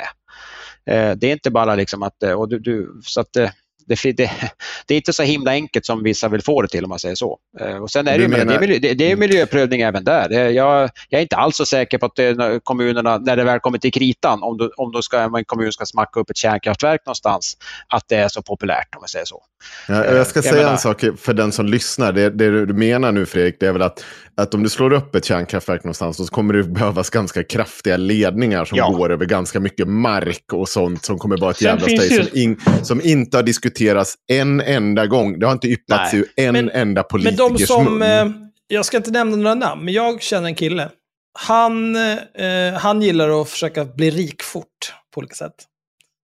Eh, så han tänkte så här, jag köper lite mark. Eh, och då tittade, satt han och tittade på, eh, det var någon kommun som satt och reade ut mark. Och då satt han och tittade på flygfoton. Och så såg han så här, det här är konstigt att det går en kraftledning över den här tomten här. För att, eh, och det är därför den är så otroligt billig. För att det ser ju verkligen ut som att det här kortet är taget i vinkel, att den inte alls går över. Och så åkte han ut dit och kollade och sa, nej mycket riktigt så, den här kraftledningen går inte alls över den här marken. Men då fick han nys om att de ville flytta den där så att den skulle gå över marken. Så då köpte han omedelbart den här tomten för att bli utköpt sen. Och så köpte han ett modulhus från Serbien för att få ännu mer pengar eftersom någon bodde där. Och poängen med allt det här är att om, om, om pappa staten eller pappa privat ägare vill dra liksom, så mycket elledningar här att du exploderar om du tittar på dem, då kommer ju den som äger den marken få sinnessjuka mängder pengar för att det ska ske. Så liksom, jag vet inte, vad är problemet? Det är bara att köra. Alltså, för det första är det också så att när det gäller kärnkraftverk, alltså det visst, i viss mån behöver man ju mycket kabel, men om man bygger ett kärnkraftverk nära en stor konsument eh, och framförallt ett mindre kärnkraftverk, och jag tror inte på de där riktigt små kärnkraftverk som en del håller på med, generation 4 och allt vad det var, men, men det finns ju ändå liksom BVRX och lite andra som är liksom som ett vanligt kärnkraftverk fast mindre. Eh, uh, 300 megawatt är liksom inte en en orimlig mängd el att bli av med om du ligger bredvid ett pappersbruk eller bredvid ett, ett sågverk eller bredvid en, en batterifabrik så att säga. Och trycker du ut, trycker du ut 80% eller 70% av den energi du producerar mot den industrin du ligger bredvid, då blir det inte bisarra mängder kablar. Och man ska ha klart för sig att den industrin som redan är kopplad på elnätet kan ju vända sin riktning på strömmen. Liksom. Det är inte så att, ett, att du måste bygga en ny kabel på på ett pappersbruk som redan drar kanske 60 megawatt, att man måste trycka det, att, att man inte, alltså du kan lika gärna exportera 60 megawatt. Och många, och många, och många kraftverk gör ju det dessutom idag genom att de har eh, mottrycksturbiner för att de har liksom en restström med pappersmassa eller med, med flis eller något annat som de eldar någon turbin på så att säga. Uh, och den kan lika gärna, skulle kunna, lika gärna kunna vara ett, litet, ett, ett mindre kärnkraftverk. Sen har jag inga egentliga åsikter om man ska bygga små eller stora kärnkraftverk. För jag gillar bara två sorters kärnkraftverk. Och den, den ena är de, de som är i drift och förblir i drift och den andra är de som de facto blir byggda. Men hur, eh, alltså hur mycket mindre är de här mindre kärnkraftverken? Om ett kärnkraftverk på 300 megawatt till exempel. Hur stort det, är det? Det kan byggas på en 30 eh, hektar eller något sånt där. Med, med kringbyggnader och staket och hela klabbet. Helvete, är du, är du säker på det där eller drog du det där bara ur röven? Take, har, du, har du alltså, koll på det? Alltså Oskarshamn, Oskarshamn ligger på ungefär, på, ungefär, på, på cirka 3, kvadrat, äh, 3 kvadratkilometer. Ja. Så det är, vad blir det, 300 kvadrat? Alltså det, alltså det är inte, det är liksom inget som du sätter back på gården liksom. Alltså, det är ju liksom, alltså du måste ändå köpa en rejäl gård för att sätta ner dem. Det, det, det är liksom, det går åt en del mark. Det är inte som solceller som du behöver tiotusentals hektar på för att få någon produktion. Men, men, men det är liksom, det, det kräver ju en rejäl industripark liksom. Ja, det kan man väl minst sagt säga. Och, men, men å andra sidan har du liksom ett, ett pappersbruk eller en, en massavedsfabrik eller ett sågverk. Då är det inte så att du behöver lika Då behöver du bara dra mycket kablar mellan de två byggnaderna. Ja. Vad säger du Fredrik? Ja, ja, jag, har varit, jag har varit ansvarig för kraftproduktionen på ett, ett av Sveriges största pappersbruk. Och det, det, var, det, är, det är liksom en... Eh, ja, det, det, det är inte så jävla lätt att det, det där, det bara liksom smacka upp om man säger så. Det, det, nej, finns, nej, massor, det finns massor med, med Nej, juridiska och tekniska eh, krångel, byråkrati, ja, regler och annat. Men om vi tar bort all byråkrati. Ja, ja, om, om vi säger bara så här, att det blir som ett, ett dataspel. Du bara klickar på kraftverket, så klickar du var du vill ha det. Och så byggs ja, men då, då, låt, låt tänka att vi har som det, vi, vi, tar ett, vi tar ett exempel i verkligheten. Vi tar Husums eh, massa och papperskombinat utanför Örnsköldsvik som, äger, som är jättestort och de har eh, 130 kilovolt eh, in eh, från regionnätet. Det skulle kunna tänkas att du kan smacka upp ett kärnkraftverk där. Men då är det så att den där marken som, är, som fabriken äger, den, den ägs av, det, det är finska skogsägarföreningen som äger den. Eh, är de intresserade av att bygga ett kärnkraftverk till att börja med, som då ska ligga i Sverige? Det kanske de inte är. Och är de det så ska det liksom beredas och, det ska, och så vidare. Och så vidare. Sen, ska det, det ska, sen ska man bygga något form av ett ställverk där som ska ägas av, av eh, en, ett nätbolag eh, som äger nätet där och de ska ha det i sin investeringsplan och hitta mark för det. Och då, och då börjar man närma sig Husums samhälle och då ska man ha bygglov för det och så ska du dra Alltså det, är, det, blir snabbt jävligt stökigt kan jag säga. Eh, och det, Men- Jag tänkte också Men om vi, tar det. andra, om vi tar frågan åt andra hållet istället, om jag får fråga dig Fredrik. Om vi skulle om vi skulle avkarbonisera södra Sverige ordentligt, så vi behöver 5-10 terawatt till för att bli av med gasnät och lite annat och sådär. Ehm, vad ser du framför dig i södra Sverige för att lösa problemet utöver mer kraftöverföring? Och om, alltså, jag tror vi löser ju ingenting på 15 år, men om vi, om, om vi säger 2050. Ja, det är som jag sa, jag har väl, det, finns, det finns inget quick fix för det där. Jag, jag, jag kan tänka mig eh, en, en variant är om man tittar på de här, nu är det inte, nu, alltså de här eh, som jag har sett det åtminstone i, i, i Mellansverige och norra Sverige så är ju, har det varit, nu är det lite mindre populärt, men det var ju, ett tag så ville ju gärna kraftbolagen, Vattenfall och de, och de andra att eh, göra ett joint venture med till exempel pappers och, och massa Mm. Industrierna. Men då handlar det ju om att, att köpa in sig i deras mottrycksturbiner på sodapannor Mm. och bygga ut dem. Eh, och det är ju kanske en, det, det kanske är en, eh, det går ju väldigt, väldigt mycket fortare än vad det gör att, att smacka upp ett kärnkraftverk och du får ut samma elektriska effekt, om man säger så. Va? Eh, för Du får, är inte ju, ut en, du får inte ut en gigawatt ur en sodapanna. Nej, Ja, det, beror, det, beror, det beror ju på hur stor den är förstås, men jag menar, det, är Ja, ju, det, det, det är ju det är den som de bygger nu i hus som Och, är och ju ny- förklara då, då att det, det man basically är, det är att i en fabrik där du tillverkar någonting, då, då, ju- då bygger du på så att du kan också ta ut el från den. Ja, det är, lite en, om man säger, så- ja, precis. En man, massafabrik man har som... kopplat på, ja, vad ja. heter det, man har fjärrvärme på sådana där fabriker och sånt och för att man drar ut Men, spillvärme men du har ju, och kan... men du har ju ja. problemet i södra Sverige redan att biomassa i södra Sverige är faktiskt relevant dyr.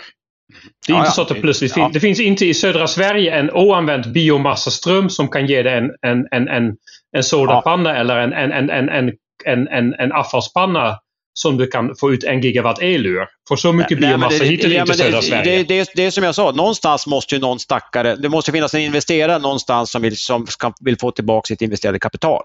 Finns det inte Ja. det, då blir det inte byggt någonting. Det, om inte Nej, vi ska liksom, eh, det är där Mm. man bygger liksom bilar för att ställa på säger Så. Det, utan det, det, måste finnas en, det måste finnas investerare som är, som är beredda att satsa pengar och de pengarna vill de ha tillbaka med ränta. Det är inte konstigare än så. Nej, precis. Eh, Och finns, det, finns det pengar att tjäna på att bygga ett kärnkraftverk, då kommer det att byggas ett kärnkraftverk. Finns det inte pengar att tjäna, då kommer de inte byggas. Det, det är eh, marknaden som eh, vi slavar under som, som, som styr det där.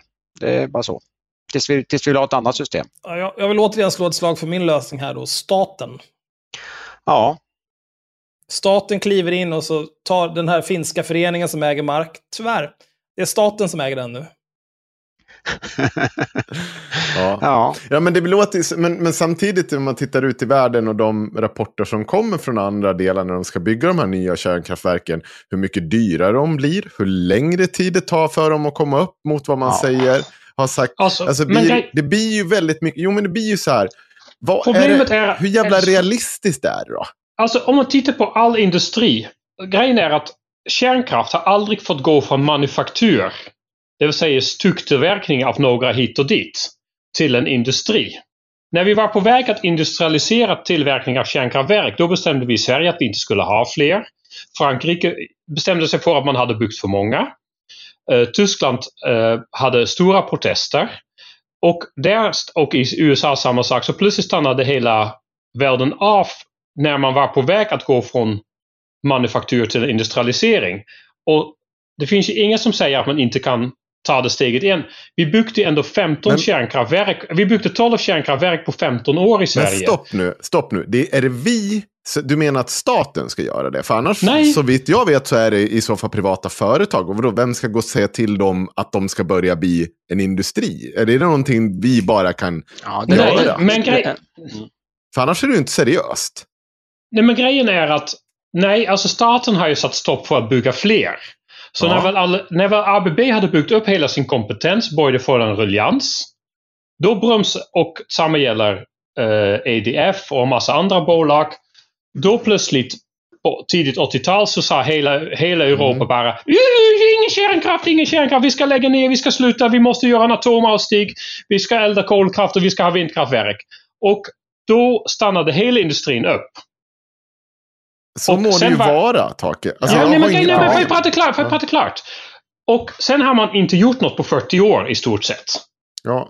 Och nu är vi igång igen. Nu börjar det byggas lite här och där kärnkraft igen. Arabemirat har byggt fem stycken i tid och enligt budget. Okolito har gått fantastiskt mycket över budget, men med dagens elpriser har den ändå en avbetalningstid på sju år.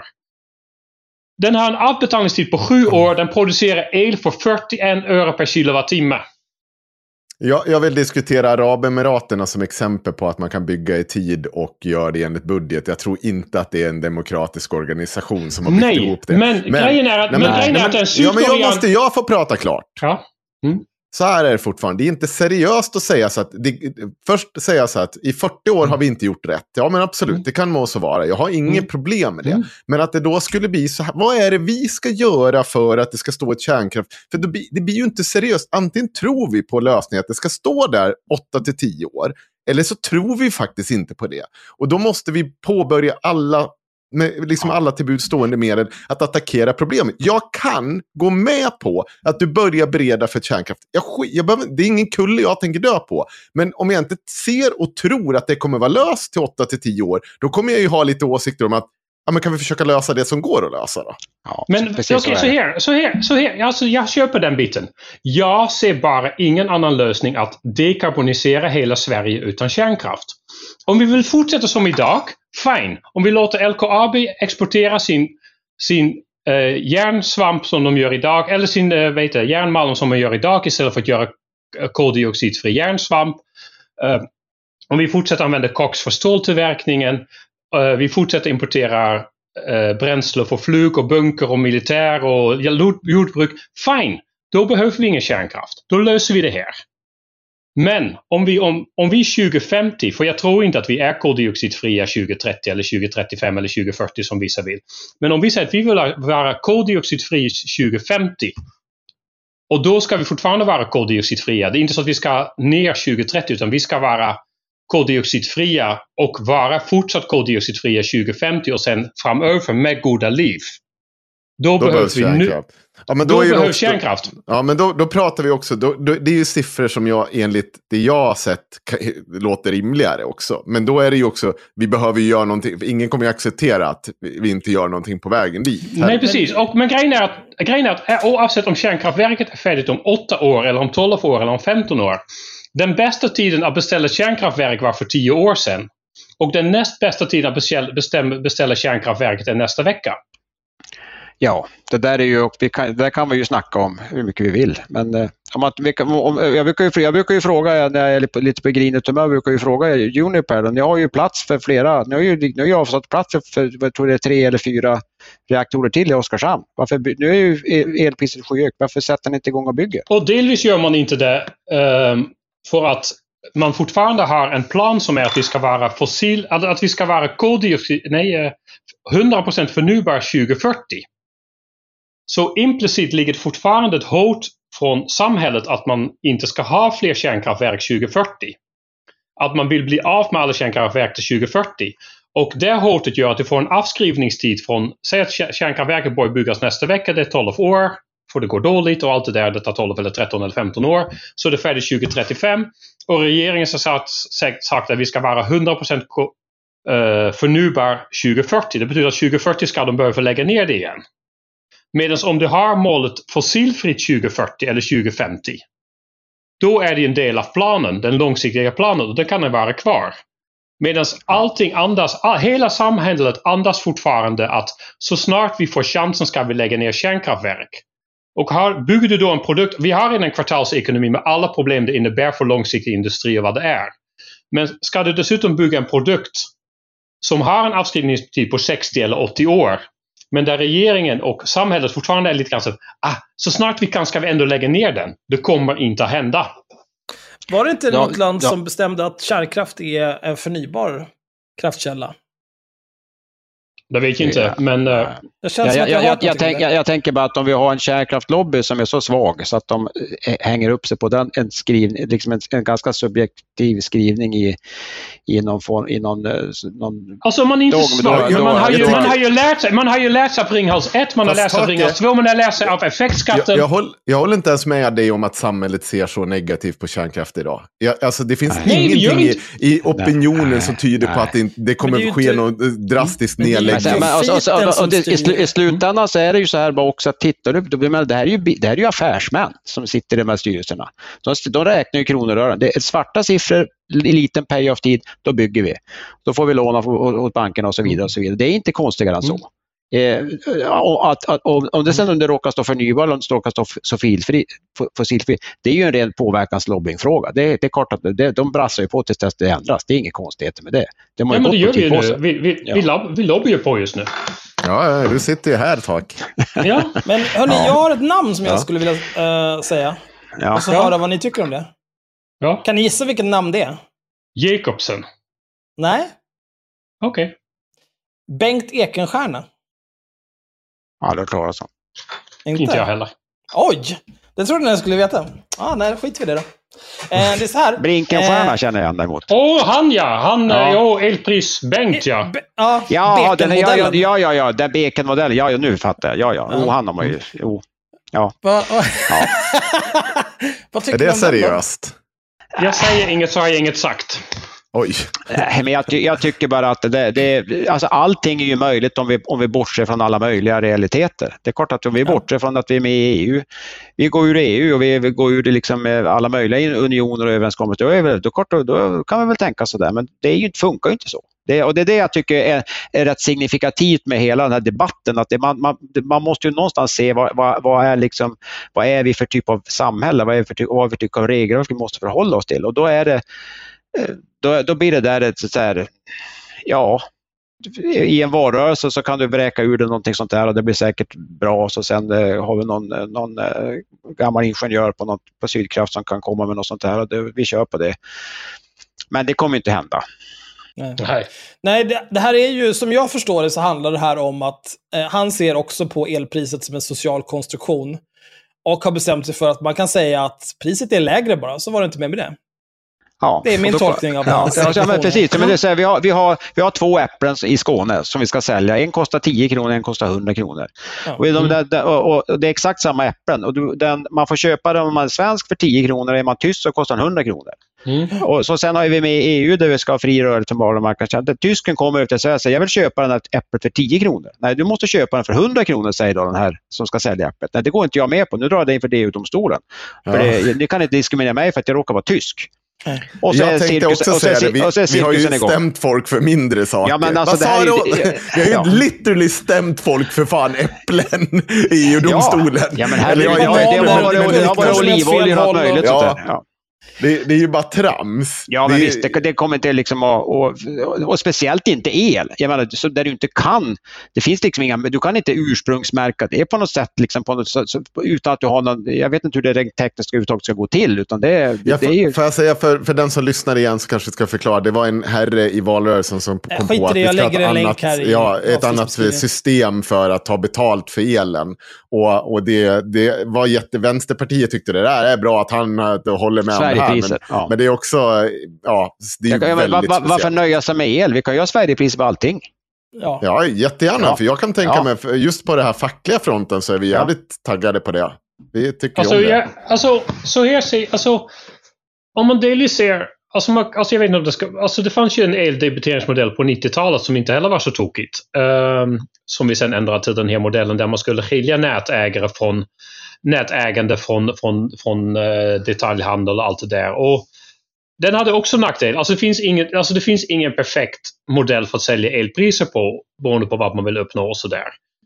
Man kan fundera lite grann på hur man ska ta ansvar för att man inte är en stadigt leverantör av el och allt det där och, och, och vilka, vilka betalningar man ska få för att man levererar nätstabilitet och rotorvinkelstabilitet och, och allt vad det heter. Liksom. Det, det kan man ju fundera på om, om, om, om, om man ska få ut en ersättning och då kanske chansen blir större att man, att man bygger kärnkraft. Um, för det ska man också ha ganska klart för sig att man har ju hamrat ganska bra på fram till, fram till den sista effektskattehöjningen på att göra det bra för vindkraft och dåligt för kärnkraft.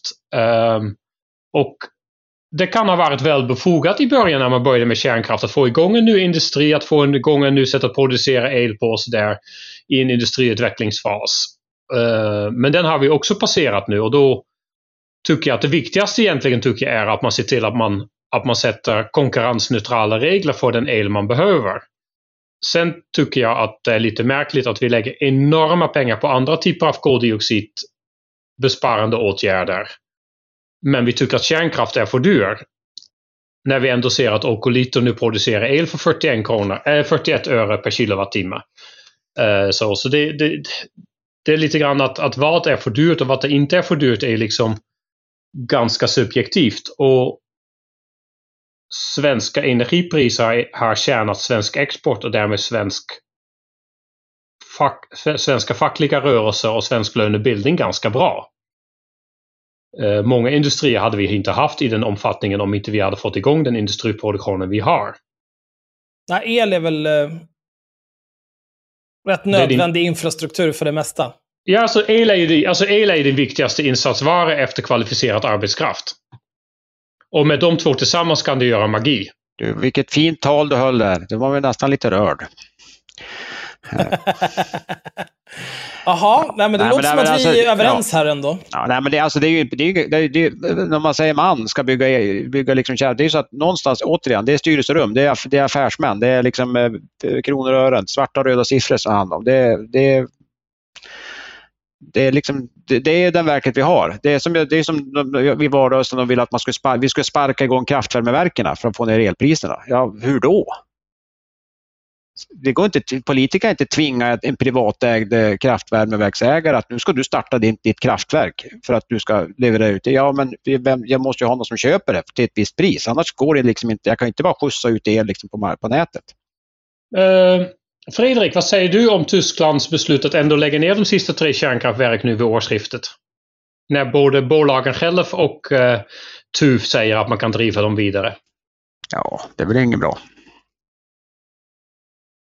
Ja, alltså, jag vet inte. Jag, jag är, tysk energipolitik är tysk energipolitik. De har väl sina, det, alltså de, de, vart ju, de vart ju livrädda efter Fukushima och det, ja, det får Men, väl... Eh, just med Fukushima, är det inte det är väl inte jättemånga kärnkraftverk som är byggda liksom, eh, på två kontinentalplattor där det är tsunamis 24-7. Alltså, för det första ska man ha klart för sig att Fukushima, alltså den största skadan med Fukushima var rädslan. Samtidigt som Fukushima hände så brann det också upp ett raffinaderi där. Och det raffinaderiet har man släckt och man har spolat allt släckvatten med olja och hela klabbet rakt upp och ner i oceanen utan att någon rörde en min på det och det finns knappt någonting att hitta på det förutom någon liten artikel i The Guardian. Och lite bilder om det som folk ofta pekar på. Men det där är kärnkraftverk som brinner. Nej, det är ett raffinaderi som brinner. Ehm, um, Medan kärnkraftverket dödade en av deras tekniker. Och i övrigt folk för att, man, för att man evakuerade dem fast man inte hade behövt evakuera dem. Um, så rädslan för strålningen dödade folk, inte strålningen i sig. Mm. Jo, andra kraftverk, andra kraftverk, kolkraftverk dödar folk när de fungerar precis som de ska. Liksom. Ja. Uh, och, och, och, det här, och det här är liksom ett problem att, att vi bygger upp och miljörörelsen har hjälpt till att bygga upp en rädsla för, för, för radioaktivitet som inte står i paritet mot andra typer av faror vi har. Vi har oljeutsläpp hela jävla tiden som är bra mycket skadligare för alla inblandade än, än alla kärnkraftsolyckor tillsammans. Fredrik? Sucka, tycker jag.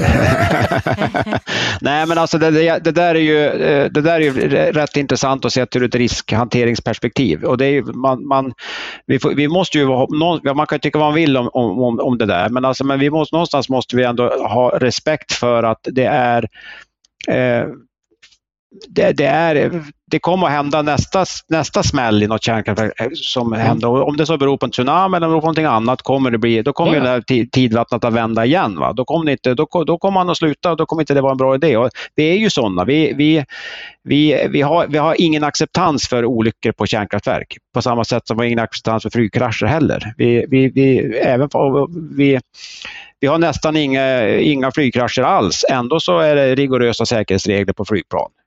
Varför ska jag ha det för? Och så vidare. Och så vidare. Det, Det ju, det, problemet med ett sånt där är ju alltid, när, det är liksom drabb, när någonting drabbar många människor samtidigt, det är då det blir ett problem. Liksom Ja, ett så- flygplan, och så- då är det ju hundratals människor som går åt på samma gärna samtidigt. om det är Sen är det skitsamma om det dör så många i trafiken varje vecka. Det är ju Ja, ingen men, ja, men, ja, men, ja, det, det är ju så. Det, det, det är liksom lite min poäng att man kan inte... Vi, vi vill försöka applicera riskhanteringsmodeller som vi använder till exempel för trafikolyckor eller för, för eh, olika typer av eh, rökning och sådana saker. När, det, det, går inte, te- det går inte att applicera dem på kärnkraft eller på, på flyg så, så, så, saker som händer extremt sällan, kanske aldrig. Vi har ju liksom, eh, vi, vi, för det, det går liksom inte, det, det går inte att räkna hem det om man säger så. Då, men vi, vi accepterar inte det i alla fall och det är rätt intressant att vi, vi, det är sådana. Det är, man, någonstans måste man ha respekt för det. Det, det är därför som jag, jag, jag tror inte för ett ögonblick att det kommer att bli, att det, det kommer att acceptera att vi har små kärnkraftverk i, i, i kommuner här, överallt. Det, det, det, Nej, det har jag också Det- svårt att se. det Det, kommer alltid ja. finnas någon, någon jävla elallergiker. Ja, men vi får ju inte ens, jag vet uppe i Örnsköldsvik, då skulle de sätta upp en sån här, eh, sånt här eh, ett, ett slakteri för att eh, de skulle ha så här, ta hand om eh, ja, döda djur, så här, industriell bas. Och de flyttar runt det där jävla slakteriet, planar överallt i kommunen. Det var ju ingen som ville ha det där slakteriet någonstans för att det var, ja, det ansågs störa och sänka värdet på fastigheter och det luktade skit och allt möjligt. Så det, till slut blev det ingenting efter 15 Men alla vill ha kött.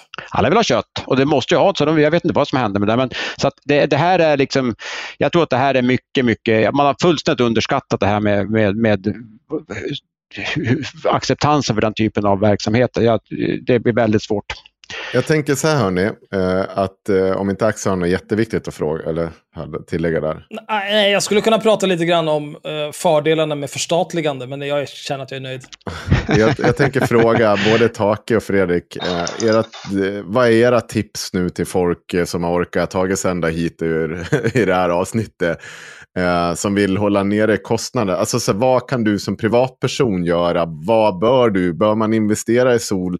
Bör man täta huset? Bör man byta till en luftvärmepump? Ge era lite bästa tips på vad vi kan göra. För kärnkraft lär de inte få utanför Nej. huset nog den närmsta tiden. Och de kommer heller inte få vindkraftverk, Mm. tyvärr, inom den närmsta tiden. Och jag säger inte att det är bättre det ena än det andra, utan jag bara säger att vi har ju prövningar som tar tid Ja. utav helvete. Jag, jag, jag skulle vilja ge ett praktiskt tips till konsumenter. Det är så här, Mm ta, eh, kosta på några enstaka tusenlappar. Ta hjälp av en expert, konsult som kan hjälpa er att ta fram en, en titta på er anläggning som ni har hemma eller där ni vistas och, och ta fram relevanta, effektiva förslag på hur ni ska göra för, att, för att minska elförbrukningen. Det kan handla om att byta fönster, det kan handla om att tilläggsisolera, det kan handla om smartare styrning av era direktverkande elradiatorer, det kan handla om att byta ut dem till andra, vad vet jag. Men jag tror det här att hitta, läsa i kvällstidningar att nu ska du göra det ena eller nu ska du göra det andra, det, det, det liksom är i- suboptimerat. Utan ta hjälp av, och, och, och då, då kommer ni få ett antal skarpa förslag som kommer hjälpa just er. Det, det tror jag är det och de, bästa. Och de flesta som har mycket direkt- direktverkande el, det, det går ju faktiskt att, eh, det kan jag säga, det går faktiskt att hitta billiga eh, luftvärme, luft-luftpumpar i dagsläge och byta ut den här skiten. Det kommer löna sig på en vinter eller två. Ja, det går till och med att tänka sig att göra det för några tusen, för när det är så att säga, några hundra lappar så skulle du kunna köpa smartare termostater till dina, till dina element. Bara det gör att du får ner elförbrukningen markant, eh, på, liksom från ena dagen till andra om man säger så. Så det finns en hel del saker, men det är inte så himla lätt för en, för en konsument som inte kan det här och veta vad man ska hitta på att göra. det är man ju är det fort- sen, är det fort, sen är det fortfarande så att även om du har en elförbrukning på 3-4 tusen spänn, eller 3-4 tusen spänn i månaden för två år sedan. Att kommande vinter, även om du lyckas re- reducera det med 20% eller 25% kommande vinter kommer att bli tuff. Ja. Och att Ringhals 4 är borta gör det, eller Ringhals, är borta gör det inte bättre. Alltså, brace, alltså även om du stänger, alltså du kommer behöva, alltså bor du i ett hus eh, nu har du haft tur, har man haft solceller har man haft tur för det har man fått mycket pengar under sommaren nu som man redan kunde stoppa upp i en, i en box. Men, men har du liksom ett normalt hus och du har redan en värmepump och förbrukar kanske 2000 kilowattimmar i månaden. Alltså räkna med 10 000 till 15 000 spänn kommande vinter per månad. Sorry, det är inte så mycket vi kan göra åt. Vi andra som bor i lägenhet och man kanske en, en hyresvärd som är för snål för att byta ens 20, 20-åriga kylskåp för. Du betalar elen och han betalar kylskåpet. Eh, då kan jag rekommendera att eh, det finns 380 bakom spisen. Eh, efter det så får du en ny kylskåp för då har den plötsligt kompressorn gett upp. Jag kan säga så här. Eh, jag tror att konsumenten, eh, det här är vad jag tror och killgissar mig till. Men jag tror att den här regeringen som har i högan sky ylat om Magda-priser i eh, hela den här valrörelsen. Det kommer straffa sig så in Det- i om- helvete. Nej, nej, de kommer, de kommer bli tvungna att bara pump, här, pengar, ta pengar. Ja, ja. Det kommer ju bli Ja, precis ja, det de gjorde förra. Nej, De kommer inte i- våga. Det de kommer göra är- Ja, Ja. det- Det ja. de kommer och göra är problemet- att säga, de har redan börjat, de säger ju så här, ja, nu när vi tog över, det var ju inga fulla lador vi kom till. Så här, ja, landet är ju kört i botten, allting är ju bara skit. Ja, Det kommer ta flera mandatperioder att reda ut det här. De har ju redan börjat att skylla ifrån sig, de har inte ens tagit över än. Nej, är alltså så grejen är, grejen är att oavsett regering så kommer man på något sätt att behöva pumpa ut pengar. För för en del folk kommer elpriserna bli så höga att det inte går att hantera. Ehm, jag är dessutom en sån, så jag har redan anmält tre grannar för att de äldre vet, dåligt vet mitt i samhället. Och kommer fortsätta göra det hela jävla gud. vintern. Gud, De har fjärrvärme. De har fjärrvärme. De ska inte elda.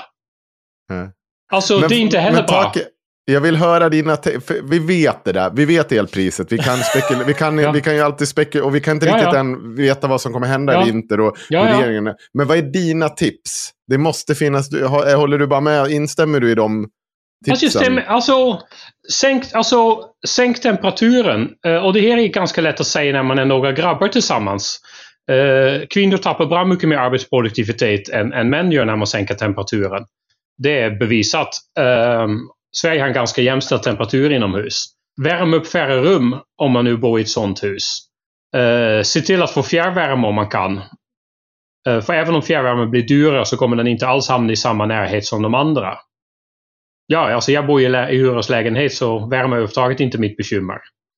Eh, och se till att din hyresvärd eh, köper nya vitvaror åt dig, i alla fall kyl och frys om de, är, om de är mer än 20 år gamla. Och du kanske behöver hjälpa dem lite på traven genom att ha sönder de gamla. Det, det är lätt hänt att det händer olyckor i köket. Ja, ja visst, det finns ju 380 volt att koppla sin kyl till. Då får man den nu. Om, om ens barn skulle råka göra det. Ja, ja. Själv Som- skulle man ju aldrig göra det. nej, Som, nej. eh, Den, nu- den har bara nu- gått sönder av en vill ra- Nu vill jag raise an objection här. Som, eh, Ja, elskydds... som, eh, jag håller ju som el, elsäkerhets... eh, eh, expert, för det är ju faktiskt mitt, eh, ja, mitt expertområde, så, så är, vill jag avråda från den här advised. typen av... Ja. Don't do this at home! Eller vad brukar man skriva? nej, men alltså, jag, jag, tycker, jag tycker också att vi, vi någonstans måste vi vara lite seriösa i det. det, Nej, det- men, men, det- men det- alltså på allvar, på allvar ska man ligga på sin hyresvärd om man har gamla vitvaror om man bor i en lägenhet. Jag, hade, jag bodde förut någon annanstans och hade en spis som var 58 miljoner år gammal. Mm. Det var ju en lägenhet. Vi hade alltså elräkning på 500-600 spänn i månaden på en 2,5. Men spisen Det fattar jag inte. spisjävel Det tror jag inte. Det tror jag inte. För spisar är ganska digital. Alltså, spi, alltså verkningsgraden för att producera värme är typ 100% när man gör el. Alltså när man gör om el till värme. Att en spis skulle få dålig verkningsgrad har jag mycket svårt att tro.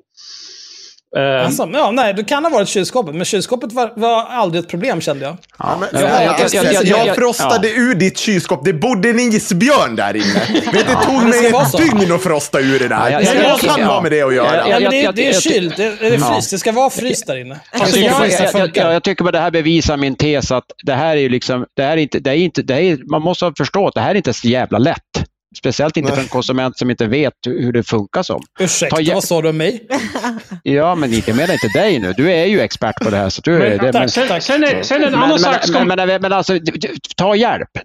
Fråga någon som kan. Frå- Det finns ju, det finns ju rådgivare på kom, din kommun. Det finns de som, som jobbar med som kan hjälpa dig att ta fram ett, ett bra, en bra lösning. Som är liksom, som inte, och det handlar inte bara om elektriska åtgärder. Det kan ju vara att du måste byta fönster eller göra någonting annat. Vad vet jag. Men, Det finns väl säkert firmor som håller på med tätning som erbjuder gratisofferter. Ja, ja. ja, till och med det. Men, men grejen är också, också, med, med, med, alltså, men också med, med isolering och liknande. Delvis finns det en, eh, en, en fuktperspektiv att ta hänsyn till som inte firmorna själva alltid är så duktiga på. Och delvis är det så att vissa isoleringsåtgärder kan ha en återbetalningstid på två månader och andra isoleringsåtgärder kan ha en återbetalningstid på fem år. Så fri, alltså om man inte känner sig hemma i det där, frihjula inte. Ta in, som, precis som Fredrik säger, en expert. För att det kan finnas enkla åtgärder som du får igen samma vinter och det kan finnas åtgärder som ger minimal skillnad. Gör, och göra fel saker hjälper ingen liksom. Och, och sen, det jag oroar mig mer för um, uh, här också är arbetstillfällen och, och, hos mindre och mellanstora företag. För där är det inte svårt. Alltså, som privatperson har man inte så mycket val än att, att om man är ändå en familj med två personer som tjänar pengar också där så kanske man får ställa in nästa sommarsemester och så är det inte mer med det. Ehm, det finns en del familjer som kommer att drabbas väldigt hårt som jag hoppas får tillbaka en del via försörjningsstöd på något sätt. Men sen är det en hel del små och mellanstora företag som inte bär tre kronor i vinter. De kommer att få stänga igen och backa ihop och det kommer att leda till avskedande också. Eller till uppsägningar. Det ska man också, alltså om de inte kastar ut pengar åt det hållet också från regeringen, det kanske de gör. Det, oavsett vilken färg de blir. Men, men eh, det är liksom inte, alltså kommande vinter blir inte lätt för någon liksom. Men, Nej, eh, med de positiva orden så kanske vi är klara för idag.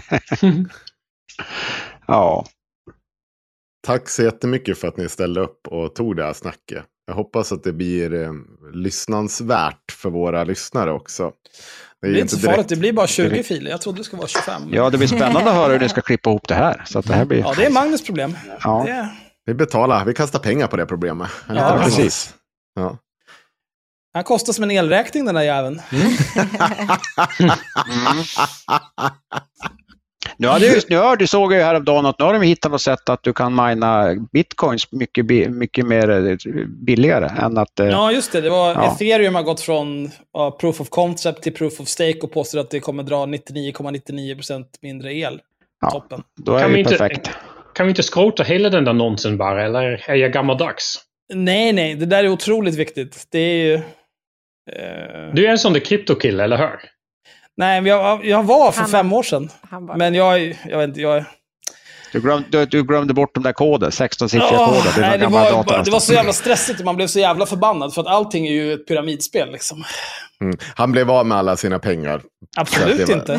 Nej, okej. Men du, du vart rik och sen vart du av med alla pengar så köpte du ut det när du hade exakt Alltså det, lika det mycket som du hade fluktuerade stoppat in. kraftigt från sekund till sekund om man säger så. Ja.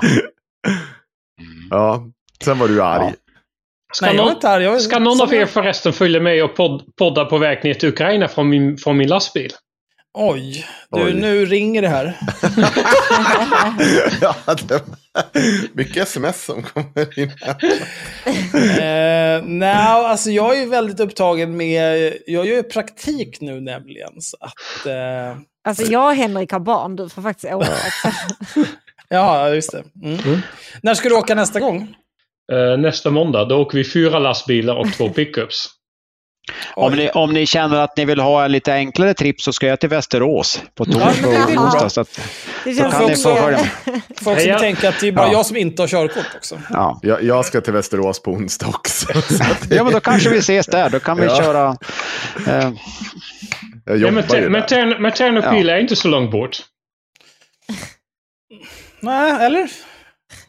Men då kanske du vill, för du samlar väl fortfarande in eh, både pengar och förnödenheter och lastbilar till det där? Ja, Vill du göra Det reklam för det? jo då.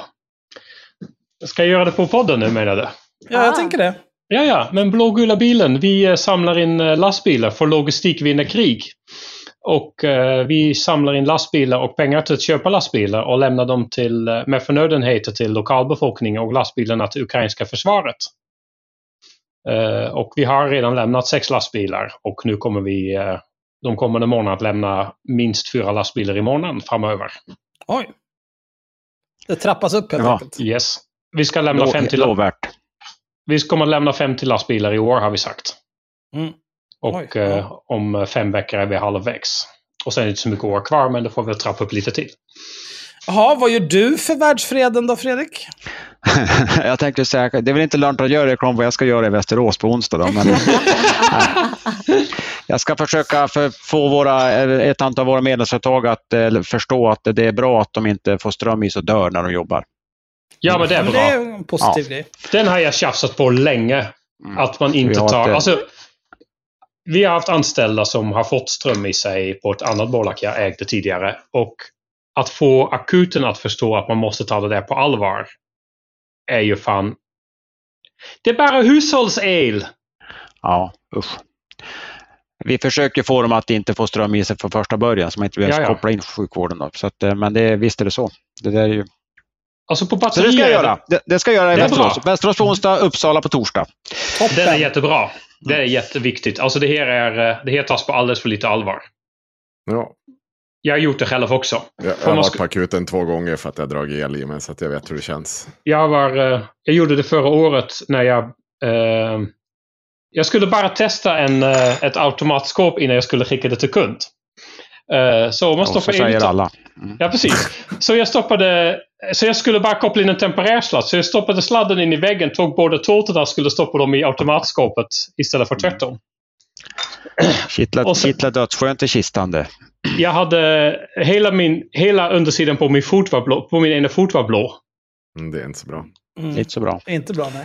Nej, Men nu skiter då, Hade du jobbat på kärnkraftverk, då hade du bränt sönder hela jävla reaktorn. Ja, ja, absolut. Jag är jättedålig Ja, ja. på rutiner. Jag är jätte, jättedålig på rutiner. Nu går vi och lägger oss. Jag tycker det. Va? Jag har en son som är, måste Ja. i säng här. Ja, Ja, men det 11 gjorde på kvällen, det är bra. Ja. Det blir en sossanmälan kan jag säga. Ja, Tack för idag. Tack det gott. så jättemycket. Sov gott. Tack. Ha det Så bra. Ha det gott. hej, hej. Hej. Hej, hej. hej. Fridens.